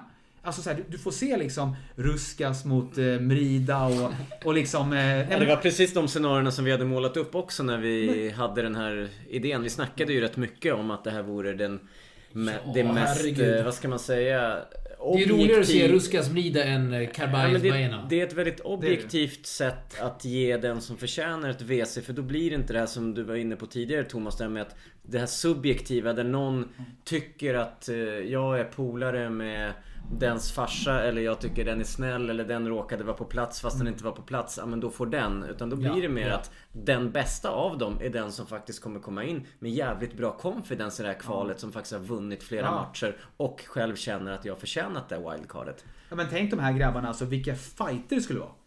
Alltså jag skulle ju fasen flyga från Spanien till, så här, jag flyger till Ängelholm där tar en taxi till Förslöv. liksom kolla på, på, på, på förkvalet, det är ju roligare än nästan huvudtävlingen. Ja, ja, jag Alltså med. vilka jäkla matcher det skulle bli. Och samma för tjejerna. Det var därför det var lite kul Sal- Salk hade ju det för Stockholm Open ju. Ja. Jo fast där är det Simon ju... Freund då. Ja, Fast, fast där är det ju lite grann så, där är det ju... Och det är lite roligt då, för när man hör vissa av dem som är tränare på de klubbarna, för det är ju Salk, eh, Kungliga och Stock, Tennis Stockholm som äger eh, Stockholm. Och så säger de ja men vi brinner så mycket för svensk tennis. Ja men varför öppnar ni inte upp för alla då? Ja just det, det var det som var nackdelen där Mm, ja. exakt. Alltså, och ni behöver inte ha det... Bergevi fick inte vara med för att Nej, han... och det tycker jag så här, ni behöver inte ha det på Salk där det kostar 350 spänn i timmen. Ni kan lägga det i Sollentuna på dagtid. Hyr banor där. Alex gör gärna det. Ja, det Håller gör jag. förkval. Eller helst kvällstid nu när man har vanligt knegarjobb. Ska man Jo men om du, ja, men alltså, om du säger till dig så här, kör du det här från fredag kväll till söndag kväll. Ja, det är klart, det är Pumpa in de här taget. Matcherna. fan, det är taget. 5000 spänn på faktura, swoosh. Jo, någon, om, om, de alltså, tar, om de tar den här idén nu Thomas, då ska vi ha procent. Ja men alltså vad, vad, det vore så grymt ju. Och så är det livestreamat, det är jag som ska kolla på matcherna. Ja, ja, jag med. Garanterat. Ja, du är speaker. Jag Ja, ska kolla du skriker på- allé under matcherna. Jag ska kolla på Munkhammar i, i TP Next Gen Open där när jag Ja, det var... var kul alltså. När jag eh, var i Cancun. mellan Ja, det var faktiskt matcher. roligt. Just Ja. Så att jag menar, det, det är ju skitkul. För man ser att de gillar det så mycket. Mm. Hur trött det Jag har ju varit på SM. Det var ju 18-21 SM i Växjö något år också. Men så, så går man det som har de här banorna som ligger och så har de två banor man, man måste gå liksom över banorna och så genom. Och så ut på andra sidan så är det liksom en, en ensam bana där. Och så sitter man där och så en annan tränare och så ekar det. Och så är det lite trötta spelare som vet att de inte kommer bli proffs kanske. Och så där. Men gör lite större av det istället. Gör det liksom lite... Ja. Gör det lite coolt. Till och med padden, eller till och med. Padden har ju show. Ja, det är ju så- fullt fräs där. Och där har de lyckats få till det så att folk i padel, jag har spelat padel tre gånger för att jag blivit tillfrågad av chefen liksom, jag inte kunnat säga nej, jag är obesegrad. Så jag funderar på att aldrig mer spela, om jag får välja själv. Jag går i graven obesegrad. Men då spelar man med några liksom, och de tycker så här, från, "Ja, det- jag är bra alltså. Och så går man in och spelar själv. Jag tycker, jag är ju kass liksom. Så går man in och spelar så, så bara, oj jag är bäst på banan. dominant, de här kan inte spela liksom Nej. överhuvudtaget. Men de tror ju att de är bra. Då alla i padel verkar tycka att de är ganska bra. Så de har ju fått till någonting i padel. Medan de här som går på 18 SM, de ser ju bara ut livströtta ut. Och det har inte bara, det är ju inte deras fel. Nej, nej. Det är ju för att det är så jäkla tråkigt liksom. Paddeln är en riktig confidence booster. Vi vill ha disco i Ja. tennis. Det vill vi. Det ska vara tryck, det ska vara drag. Det ska vara musik under matcherna. Det ska vara Nästan drag hela så. tiden. Ja, ja, Ja, ja. men det ska vara drag hela tiden. Det, det Ja. är det som jag tycker om, det är det som är det bästa tycker jag med om man kollar på TP nu. Det är klart att nu är jag ju gammal gubbe i det här sammanhanget. Men jag tänker att när man kollar på det så här så, så visst, jag, jag, jag kanske inte tycker att det är... Eh, jag kanske inte följer vloggarna hela tiden. Eh, och jag kan tycka liksom, ja men fast nu har de en intervju med och frågar liksom om, om den här killens eh, mössa. Det, det är inte jag intresserad av. Men jag är, jag är inte så gammal. Hans frisyr. Ja, jag är inte så gammal att inte jag inser att de här sakerna, det är det, det, det är inte bara till mig. Jag kommer ju vara kvar i tennisen tills jag dör eller blir utsparkad. Ja. Jag är ju redan här, det är inte för mig det här är till. Alltså det är så här, jag kommer ju, kid, kid. vare sig Kyrgios hade kommit till eller inte så hade jag ju ändå på med tennis. Men han drar in andra.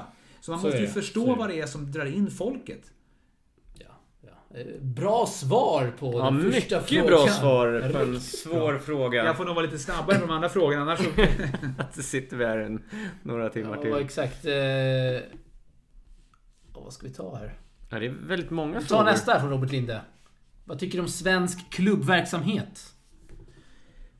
Jag tycker, nog att, på- jag tycker nog att klubbverksamheten eh, är, är rätt bra i Sverige. Det är väl mest det att de kommer inte få fram några spelare. Men de är ju, det, det har de väl aldrig fått heller. Utan det som, som sagt... Det går inte, eller? Nej, men det, det som den här eh, idén som jag drog upp nu då. Det här med att de skulle kunna ha liksom en, en tour så man kan tjäna pengar och det är mer tydligt vilka som får pengarna för de har spelat till sig och sådär. Jag tror ju inte att... Alltså, frågar du, när jag frågar Daria till exempel, hur, hur mycket har du spelat grupptennis i ditt liv? Hon bara, men grupptennis det är för de här lite tjockare ungarna som behöver spela på skoj. Det är väl ingen som spelar grupptennis? Det är ju inte någon jag pratar med, av alla de här som har blivit bra, som säger bara, nej men vet jag körde grupptennis på eftermiddagen. I någon klubb. Det finns ju ingen som gör. Så att, jag, tror man ska, jag, tycker, jag, jag, jag är osäker på om man inte vet eller om man är rädd för att de bästa man har ska sluta om man säger det. Men så- så- sån sån som Gustav Ström till exempel som jag ändå känner väl och har känt sedan han var liten och sådär och pappan och så. eh, Mattias och, och de har ju kört liksom, han stod ju där varje morgon och körde med Gustav. Och, och så blev han ju bra. Och det är absolut ingen skugga över, då var ju Valle och, och Hannes och då på, i Sollentuna att, att de inte gjorde ett bra jobb. Men att komma då sen, var man än är någonstans och stå och köra svensk tennis gruppträning på eftermiddagen med några andra. För oftast är det ju så att det, det är sällan du har tre Gustav Ström eller fyra. Du har ju en och så får han då spela, när han är 11 då, då får han spela med, tre, med två stycken 15-åringar för att de andra, och de är det kan inte vara 15-åringar som är Sverige-topp för då hade de, kan inte de spela med honom. Utan det är ju några som spelar liksom, ja men på någon slags halvtävlingsnivå. Som inte har samma ambitionsnivå. Så att jag tror att eh, man, man hade Gustav Ström kunnat haft ett upplägg med pappa så han hade kört dubbelt med honom varje dag. Då hade han nog varit ändå mycket bättre än, än vad han är nu.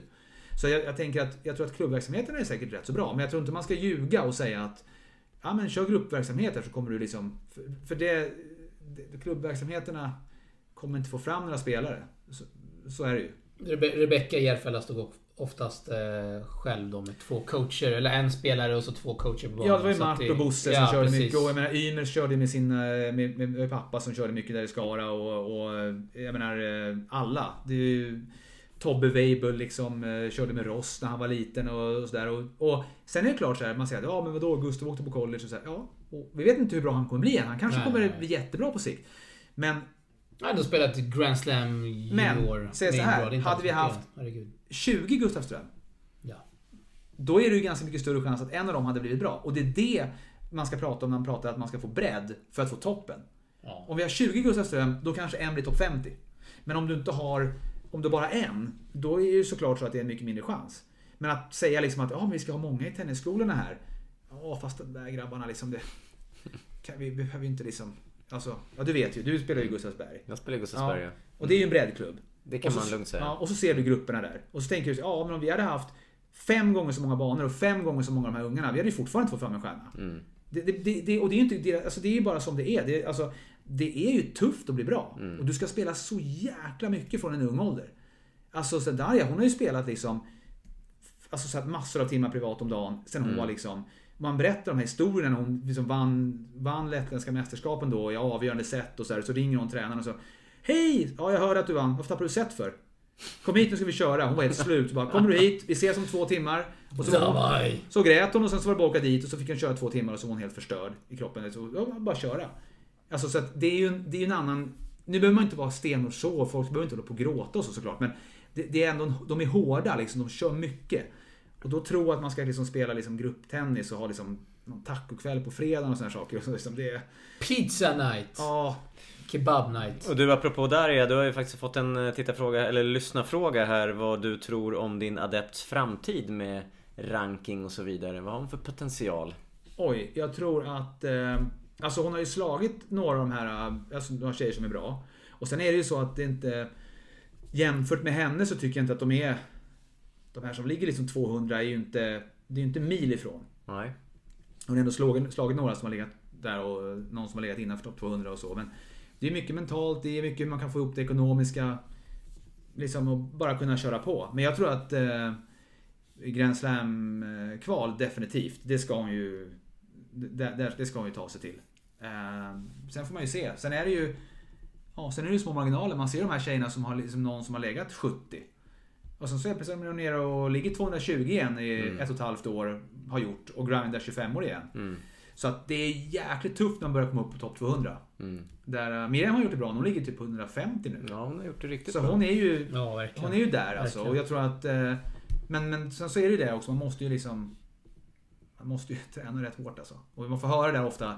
Någon som säger så ja men du vet, ja men... eh, Vi kör oftast när vi är på klubben, då kör vi en 40 minuters uppvärmning, en timme serv. Rakt av bara serv. Eh, ibland serva andra boll. Eh, och sen så kör vi... En timme serve varje dag. Ja. Och sen så Jävlar. kör vi... Det är Ja, därför inte vi servar bättre, Alex, du och vi jag. spelar bara forehand backhand underifrån. Ja, Nej men alltså hon hade bara, alltså, och sen så hade vi ju, sen så kör vi två timmar tennis. Och sen så brukar hon eh, vila lite, duscha, sova, äta. Och sen så på eftermiddagen så kör vi två timmar tennis igen. Och sen så kör vi med 40 minuter uppvärmning och så två timmar tennis igen. Och så kör vi fys en, en och en halv timme. Och det gör hon hela tiden. Och då var det någon som sa så här, ja fast det är bättre, det är kvalitet är viktigare än kvantitet. Vilket inte stämmer, för du måste ha både och. Du, ska du bli riktigt bra så behöver du både. Det spelar ingen roll vilken kvalitet du har om du spelar en timme i veckan, men det spelar ingen roll vilken kvantitet du Nej. har om den är värdelös. Men många av de som säger det, då blir man såhär, ja fast du, hon tränar liksom sex timmar om dagen, du tränar tre timmar. Men hon har ju liksom fem gånger bättre kvalitet än vad, än vad du har. Så att det där är ju, ja visst, klart kanske kvalitet, men du måste ju köra hårt också, hela tiden. Så hon är ju trött mer eller mindre jämt. Mm. Så det är det liksom, och det där är det svåra liksom. Nu ska hon torska då. Hon hade ju sannolikt, om hon hade varit, gått in fräsch de här fyra tävlingarna vi spelade nu, hon hade sannolikt vunnit alla fyra. Hon mötte ju en hyfsad tjej i finalen där ju. Hon från Ung, Bulgarien där. Och eh, hade 5-2 i första, men vi liksom gick in i väggen fysiskt. Hon orkade liksom inte. Så torskade hon den. Eh, och då får man ju ta det för, för utvecklingens skull liksom. Och det måste man ju kunna ta. För det, det är ju tufft alltså.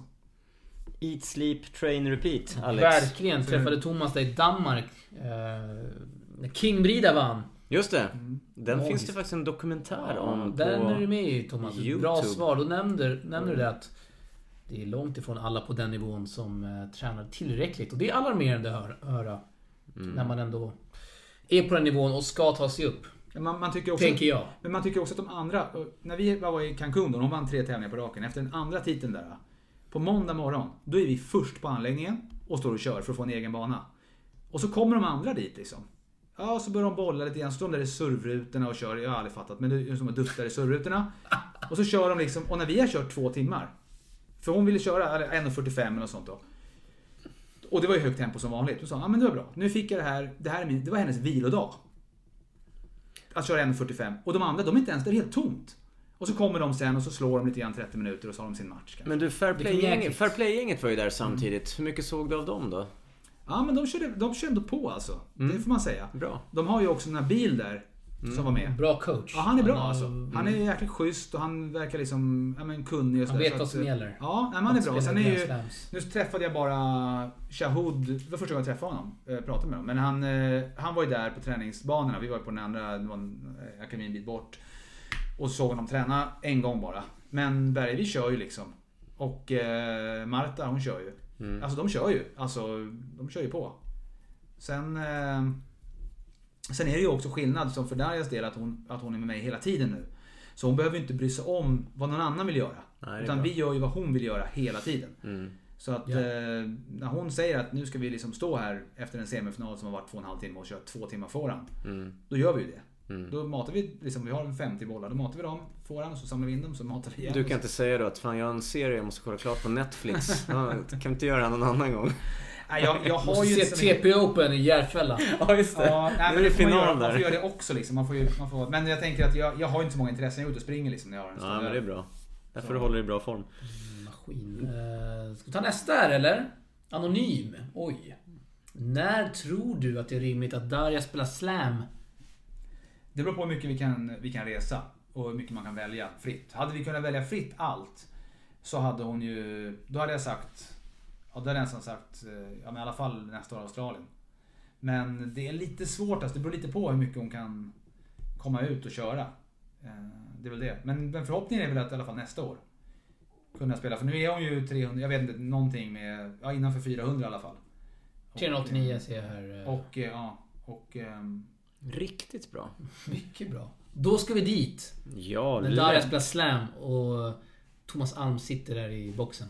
Ja, då borde jag kunna fixa biljetter eller? Oj, Ja, oj, lätt. oj. Du en annan där fråga här. Vad är det bästa med Spanien versus Sverige både privat och tennismässigt? Oj. Eh, ja, allt. Finns Allt är bättre i Spanien. Klimatet, Alltså nu, nu är priserna. priserna är Sena bättre. middagar. Alltså så här, siesta. lönerna är ju lägre. Snittlönen i Spanien är 900 euro, snittlönen i Sverige är, vad är det, 25 000 eller något sånt. Säkert. Ja. 30 i alla fall. Eh, men eh, ja, pengarna också i relation till vad det kostar, alltså livskvaliteten. Nu är ju sjukvården är ju bra där. Alltså, det är ju, Mm. alltså jag vet inte vad... Det finns ingenting jag saknar här liksom, som jag tänker att åh nu, nej det där. Det är att se liksom TP Next Gen Open live. Det, det saknar man ju att kunna glida ut en fredagkväll liksom och... och Ja, du får komma här hösten Och så- eller vintern. Eller ja, Nej, kanske man inte vill vara i Sverige. Mm, Faktiskt inte. Det är inte jag. mycket jag tycker det är... Man fryser jäkligt mycket i Spanien. Mm. När det är vinter. Därför För att man tror att det ska vara varmare. Nej, ja, nej inte riktigt. Ja, men nästan lite. Men, nej, men alltså det, det som är i Spanien är ju att eh, när du kommer hem här på vintern så kommer man in här, då är ju värmen på. Men det är så jäkla dyrt med elen där så att ingen värmer ju upp. Så att och det är ju inte jättekallt. Så att det blir liksom på, på kvällen man kommer hem och det är liksom 11 grader när det är vinter kanske. Men då är det ju lika kallt inomhus. Så får man dra på värmeelement och sådär. Så att man, man är lite mer frusen tycker jag på vintern där. Det är ju lite sämre. Men annars är det ju, jag kan inte se egentligen någonting som är bättre. Ehm, vi har jäkligt goda kanelbullar i Sverige. Ja, fikat är ju är faktiskt... Fika i eh, Sverige, fika är det är vi ju experter på svenska. Bra svenska- kaffe. Mm. Ja. Eh, vad tycker du om Muratoglu? Nej, bra, bra fråga. Mm, ja, jag känner ju inte honom. Men, men eh, alltså. Ja, men han som coach då? Det finns ju, om man vill titta på så finns det ju, vad heter han tränaren till... Eh, Sasha Bajin. Ja, Sasha Bain. Han har ju en video där. Ja, den är skön faktiskt. Den är... Riktig Han- legendar. När, när Muratoglu gör ju några grejer där som man tycker så här, det är ju... Alltså, det, är, ja, det är faktiskt sjukt. det är så dumt. Ja. Att man liksom inte vet vad man ska... Sen kan det vara taget lite grann ur kontext, vad vet jag. Men det verkar ju inte det. Utan det, Nej, nej. Alltså det är så dumma grejer han gör där. Och han Sasha, han är väldigt nöjd med sig själv. Han, han slaktar ju Moratoglu där. Men eh, det är så svårt att säga sådär. Man har ju hört alla historierna och jag tror att det är ju många, många, många som säger liksom att äh, men det är hans rika farsa. Jag har hört att det akademin går back 40 000 euro i månaden. Men pappan är ju liksom, han sålde liksom eh, sitt sista elbolag till franska staten för liksom 100 miljoner euro. och sånt, Så att, är ju stenrik tydligen. Så att, ja, det är så svårt att säga. Men jag kan inte säga att... Det, vi säger så här, det finns ju väldigt många andra tenniskonton. Eh, där man kan få väldigt mycket bättre råd och tips. Svar än, vad ja. man får, än vad man får på... Det är väldigt eh, platt det han säger. Väldigt basic också. Ja, jag är med det. Det är bara så här. Det är riktigt så här. Ja, man bara okej, tack. Det där liksom. Så skriver folk i kommentarerna att he's the God of coaching. Nej men det är, alltså, så är det ju. Alltså, att det har varit. För jag vet ju att... Alltså, det snackade, ni kommer ihåg jag snackade med Linus om det. Ehm, december, vad kan det här ha varit? December 2017. Där han var tränare i tennisgruppen i MIK och så kommer eh, Jackie där. Och, vi, och han höll med, vi pratade om det här att liksom, det är så sjukt för att tar du bara så här två månader, fem månader senare när alla liksom vet att han är tränare till henne. Då har ju hans status gått upp jättemycket. Innan man vet vad som kommer hända. Alltså det kan ju gå superbra eller, eller jättedåligt. Men det är ju mycket så. Och Samma för Muratoglu. Man har ju hört de här historierna om att han betalar massa pengar till Serena Williams. Och, det har man hört. ja, och även om det, vare sig det, alltså om det nu stämmer, alltså det är ju ett smart drag då liksom. För att det har han ju fått en jättestatus på. Mm. Ja. Så Han är att- en bra businessman, får man ge honom. Ja, men det är klart, det är väl inte så svårt heller om det nu stämmer att han, att han får, han har, man en farsa med sådär mycket pengar. Ja, Så. ja, Jag, vet- jag vet inte, det är så svårt att säga men Nej. jag, jag, jag ser inte honom, om man kollar på hans tips och sånt, det kan man ju göra. Så kan man jämföra med andra coacher som lägger ut saker så kan man ju se att det är ju inte Det är inte världsklass på de tipsen. Det, det kan Nej. ju ingen säga emot. Eh, Sen kanske han kan jättemycket mer. Och inte vill lägga ut det för han inte vill dela sina guldkorn. Vad vet jag liksom men Det är inte så att man, det är ingen wow-känsla. Några klipp du har lagt ut från andra coacher har ju ändå varit grejer som man tycker är ganska bra. Ja, jag tycker Joel Myers är riktigt bra. Följer han på Insta Patrik Ragan Nej, eller? jag gör ju inte det. Det är lite skandal att du inte gör det. Men eh, hur som helst, vi... eh, Ska vi ta, vi tar två, tre till här. Vilken... Jag eh, tycker den här är jävligt Hank, bra. eller? Som eh, ändå har lite med, med mig att göra i den här åldern. Bästa tips för en veteranspelare att förbättra sitt fotarbete, någon bra övning. Mindre kebab, säger jag. Ja fast om du kollar på, som eh, Patrik är ju liksom slim. Ja, Han är slim. Det är Sådär. faktiskt sant. Jag eh, tänkte på mig själv här direkt. Ja, du tänkte inte på Hank här. Det är ju bra. Du, du Nej, hänger ut Nej, honom Hank här är i, mitt i fan podden. ju. fit. Nej, Davis Cup-svängan. senast i Faktiskt ska jag säga så här, alltså för alla spelare, om du inte är... Det beror på vilken nivå man är såklart, men för många spelare är det ju så att... Om du är en tävlingsspelare till exempel, som inte har spelat så mycket när du var yngre och du måste komma ikapp. Om du är 15-16 år och du kanske är lite sämre än de bästa. Missa inte. Alltså slå in mycket bollar. Gå inte för någonting. Sätt mycket bollar i banan. Så att du får chansen att... Låt motståndaren döda. Och lite grann samma sak för den här veteranen. Så att du får spela, liksom slå många slag på många olika positioner i banan. Och så måste du ju liksom jobba mycket. För det är ju, du ska ju lära in ett... Jag tänker om du, du, om, du har, om du ändå vill ha ett sånt tips, då vill du ändå förbättra dig. Och är du vuxen så har du... Barn kan ju komma till en tennisklubb för att de, föräldrarna sätter dem där, men en vuxen vill ju generellt något. Och då är det ju så att, ja men... Slå in mycket bollar, försök bara sätta den i mitten då. Och så se om motståndaren kan döda den, och så försök bara springa mycket så du får liksom den här... Du, du får liksom... En jävla grinder. Ja men så att, du får, så att du lär dig att slå bollar överallt i banan. Tänk alla timmar som Djokovic har spelat och Nadal. Klart som fasen att de har... De, de har ju slagit slag på varenda liten millimeter på banan. Liksom. Och det kanske man inte har. Står man med en tränare, då står man där och bollar och det känns jättebra. Och så kommer någon annan gubbjäkel där som har en konstig sidskruvad backhand slice. Och så känner man sig som en jäkla amatör och står och kastar racket. Ser du Patrik Ragan... Ja, men jag ser Patrik Ragan i, Ja. i tävlingen när du går fram på nät på kanske lite fel boll. Och så. Ser han får en... Är det kanske en eh, hög volley men istället så ska du smasha så blir det för stor sving och så slår du jättelångt ut och så blir du lite irriterad. Ja jävlar vad man har lite att jobba på alltså. Det märker man ju. Det hör man här. Och ja. Nej Henrik Wallensten. Nu vet han vad han ska göra för att ta guld. Han hade ju kunnat fråga Melker Ekberg annars som har tagit 21 SM-guld. Jävlar. Det är ganska mycket. 21. Det är ganska mycket. Vilket jävla fotarbete han måste ha. Det är alla, alla danssteg tydligen. Om man eh, har lyssnat på Linus på baslinjens Sen, sen, podd är det ju så... sen är det ju så enkelt också att om... Jag, jag har ju ganska svårt att se... Jag har inte spelat... Jag var ju inte så bra liksom. Så. Eh, det är svårt att säga jämfört med förut, jämföra förut med, med nu men... Jag har sett dig spela på till exempel och jag tror inte att så här, eftersom att jag har spelat mycket mer i en yngre ålder Mm. så ska du ju ganska mycket, alltså det, det är ju i stort sett omöjligt att du ska kunna träna så mycket att du slår mig. Mm. Det går liksom inte, Nej, du är jag för långt inte- efter. Precis. Jag, jag kan spela tennis tillräckligt bra för att det spelar ingen roll. Du Mm. kan vara snabb som Usain Bolt Mm, och liksom mm. stark som, vad vet jag, men det blir väldigt svårt. Det är därför till alla ungdomar där ute. Spela riktigt mycket nu medan ni kan. För sen Ja, kan, ni, träna på. sen kan man sitta och ångra sig här som Som jag och Alex att vi inte spelar mer när vi var... Suger upp all kunskap. Ja, Ja. ja. Spela mycket tennis, ha långa bolldueller. Som Robert Lansdorp sa, den gamla legendariska tränaren som svär så mycket. Han sa det, de sa, kan du ge oss ett råd? Så han bara, in is, Träna. in is good, out is bad. och det, det är liksom, det är lite, men alltså så här, sätt mycket bollar, spring mycket. Få Bra tips. bolldueller. Träna mycket. Få långa bolldueller. bollen i banan. Ja, få långa bolldueller liksom, så att du måste spela överallt. Mm. Över nät. Och, Ja, över nät är eh, bra. i- i- Över nät är bättre, det är bättre över nät än i nät. För det är bättre att slå ut än att slå i nät. Uppenbarligen är det, är det Nätet bättre. är det första, så man får inte slå i nät. Och så in mellan linjerna. Exakt, det är amatör ja. Alltså, ja. Mm. Dödssynd att slå i nät på grus, Patrik Dragan. Dödssynd. Mm, där ska man toppa fint. Eh, Jag Ja, brukar säga det i Sverige att varje gång du slår nät så dör en ängel. Men så när jag sa det utomlands var någon som var religiös så föll inte så god jord så att man fick sluta med den.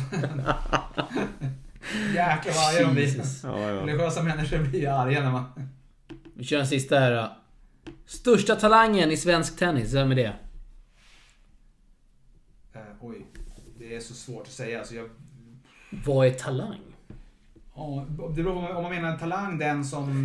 Får Den sitta här en timme till? den som har potential att bli bäst. Eller den som har... Alltså, bäst touch eller... Jag vet inte. Det är svårt att säga, men jag tänker att som just nu så... Vi har ju några väldigt intressanta eh, yngre spelare som, Kajsa är eh, ju bra, Henneman, som jag... som också ska så- spela, eller spelar SM i Göteborg den här Ja, men veckan. det, det finns ju alltså flera liksom de här, de här jag menar du har eh, Hede är ju, är ju bra. Ja, Han är riktigt bra. Ja, men jag, vet, jag har ju sett Patrik Munkhammar har ju en otrolig touch. Kanske är det lite mera... eh, Han är lite mer finlirare. Patrik Skulle kunna Munkhammar. jobba lite mer, ändå, ändå lite hårdare kanske, men han har en djävulsk touch. Alltså, han är ju talang. Du Smart. Mackan Eriksson är en talang. Riktig Mm. legendar. Ja, talang.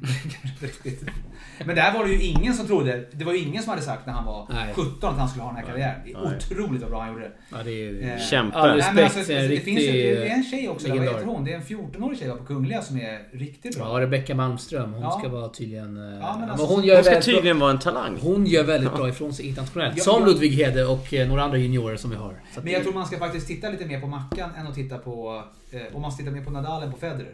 När det gäller, för att talang kan du liksom inte träna dig till. Utan den talangen du har, har du. Så att titta på de som tränar hårt och så försök att liksom följa det istället. Och har kan- du sen en talang så... Men jag kanske menade Sebastian Eriksson och inte Mackan Eriksson då. Ja, talang. Sebastian är Eriksson, talang. väldigt bra. Mm. Så, så att det, nej men det finns Verkligen. ju några, några duktiga där. Kevin Edengren som spelar på vår klubb i Spanien. Just det. Han är bra. 05 va? Ja, han kör hårt alltså. Det tar nya steg hela tiden. Så det, det finns ju ett gäng. Frågan är ju bara, du ska ju orka hålla i det. Så när jag skojar med någon som med Kevin till exempel när han tränar med Dynamo så, så bara, fasen vad bra Kevin alltså. Det är ju bara att du gör det här nu igen liksom varje dag i åtta år till så blir det ju bra det här. Och då är det, så här, det, är ju, det är ju så lite va. Du, det är ju Faktiskt. jäkla grannande alltså. Men det Det- finns ju lite talang i svensk tennis. Det gör det tiden. Varför skulle det inte finnas det i tennisen när det finns det i alla andra sporter? Ja, kolla fotbollen. Det bara Ja. Spottar ut spelare här till toppligor i Europa och världen och Alexander Isak och alla vad de heter. Det är... Men vi måste faktiskt säga det att vi måste försöka få att alla de, de förstår att du måste spela mycket. Du måste grinda, det måste vara högt tempo. Du måste köra mycket individuellt.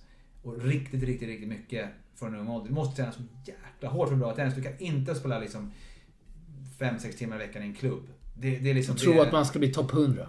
Och spela mer än 10 tävlingar per år internationellt. Nej, det, måste nej, det går inte. Varav fem är i Doha. Jag tror jag räknade nu.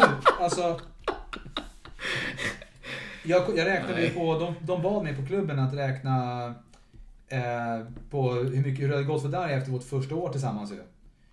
Och eh, jag tror han hade vunnit, eh, vunnit 140 matcher eller något sånt. Jävlar! Proffsnivå, singel och dubbel. Mm. Eh, på ett år. Och, och det är klart, det är bara vunna matcher. Sen har han ju förlorat kanske ett 30-tal matcher också, eller vad kan det vara, 20 matcher eller ja men något sånt, ja, vad vet jag. Så att hon har spelat 160 matcher på ett år. Mm. Och sen är det klart att man skulle kunna då argumentera för att hon kanske borde flyttat upp eh, en nivå. Och det kanske inte kommer vinna så här mycket nu, vem vet, när hon spelar 25 och så såklart. Men hon har ju spelat väldigt mycket turneringar. Och just att jag tror inte man ska liksom, det här, det är ju många som har kört och jag förstår att man, man, man hoppas, men om man spelar i Sverige och så spelar man vintertour och sommartour lite grann, så kör man kanske 8-10 futures per år. Och så reser man till Gran Canaria på semester. Det, det, kan, det blir ju liksom ingenting. Nej. Man måste ju försöka få ihop ett 25 tävlingar i alla fall. Mm. Annars Minst. blir det ju, ja, någonstans 25-30 stycken tycker jag man ska försöka få. Annars blir det tufft alltså. Det, Kolla på Dragos. ja, Maskin. ja.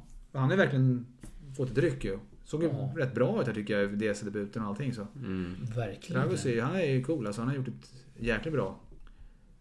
Ja, det får man lov att säga. Eh, Säger vi så eller? Ska vi ta en till här? Nej, jag tycker, att vi- det kan eh, räcka så. Vi har En och en halv. Vi har hållit på ett Det- tag. Lyssnar...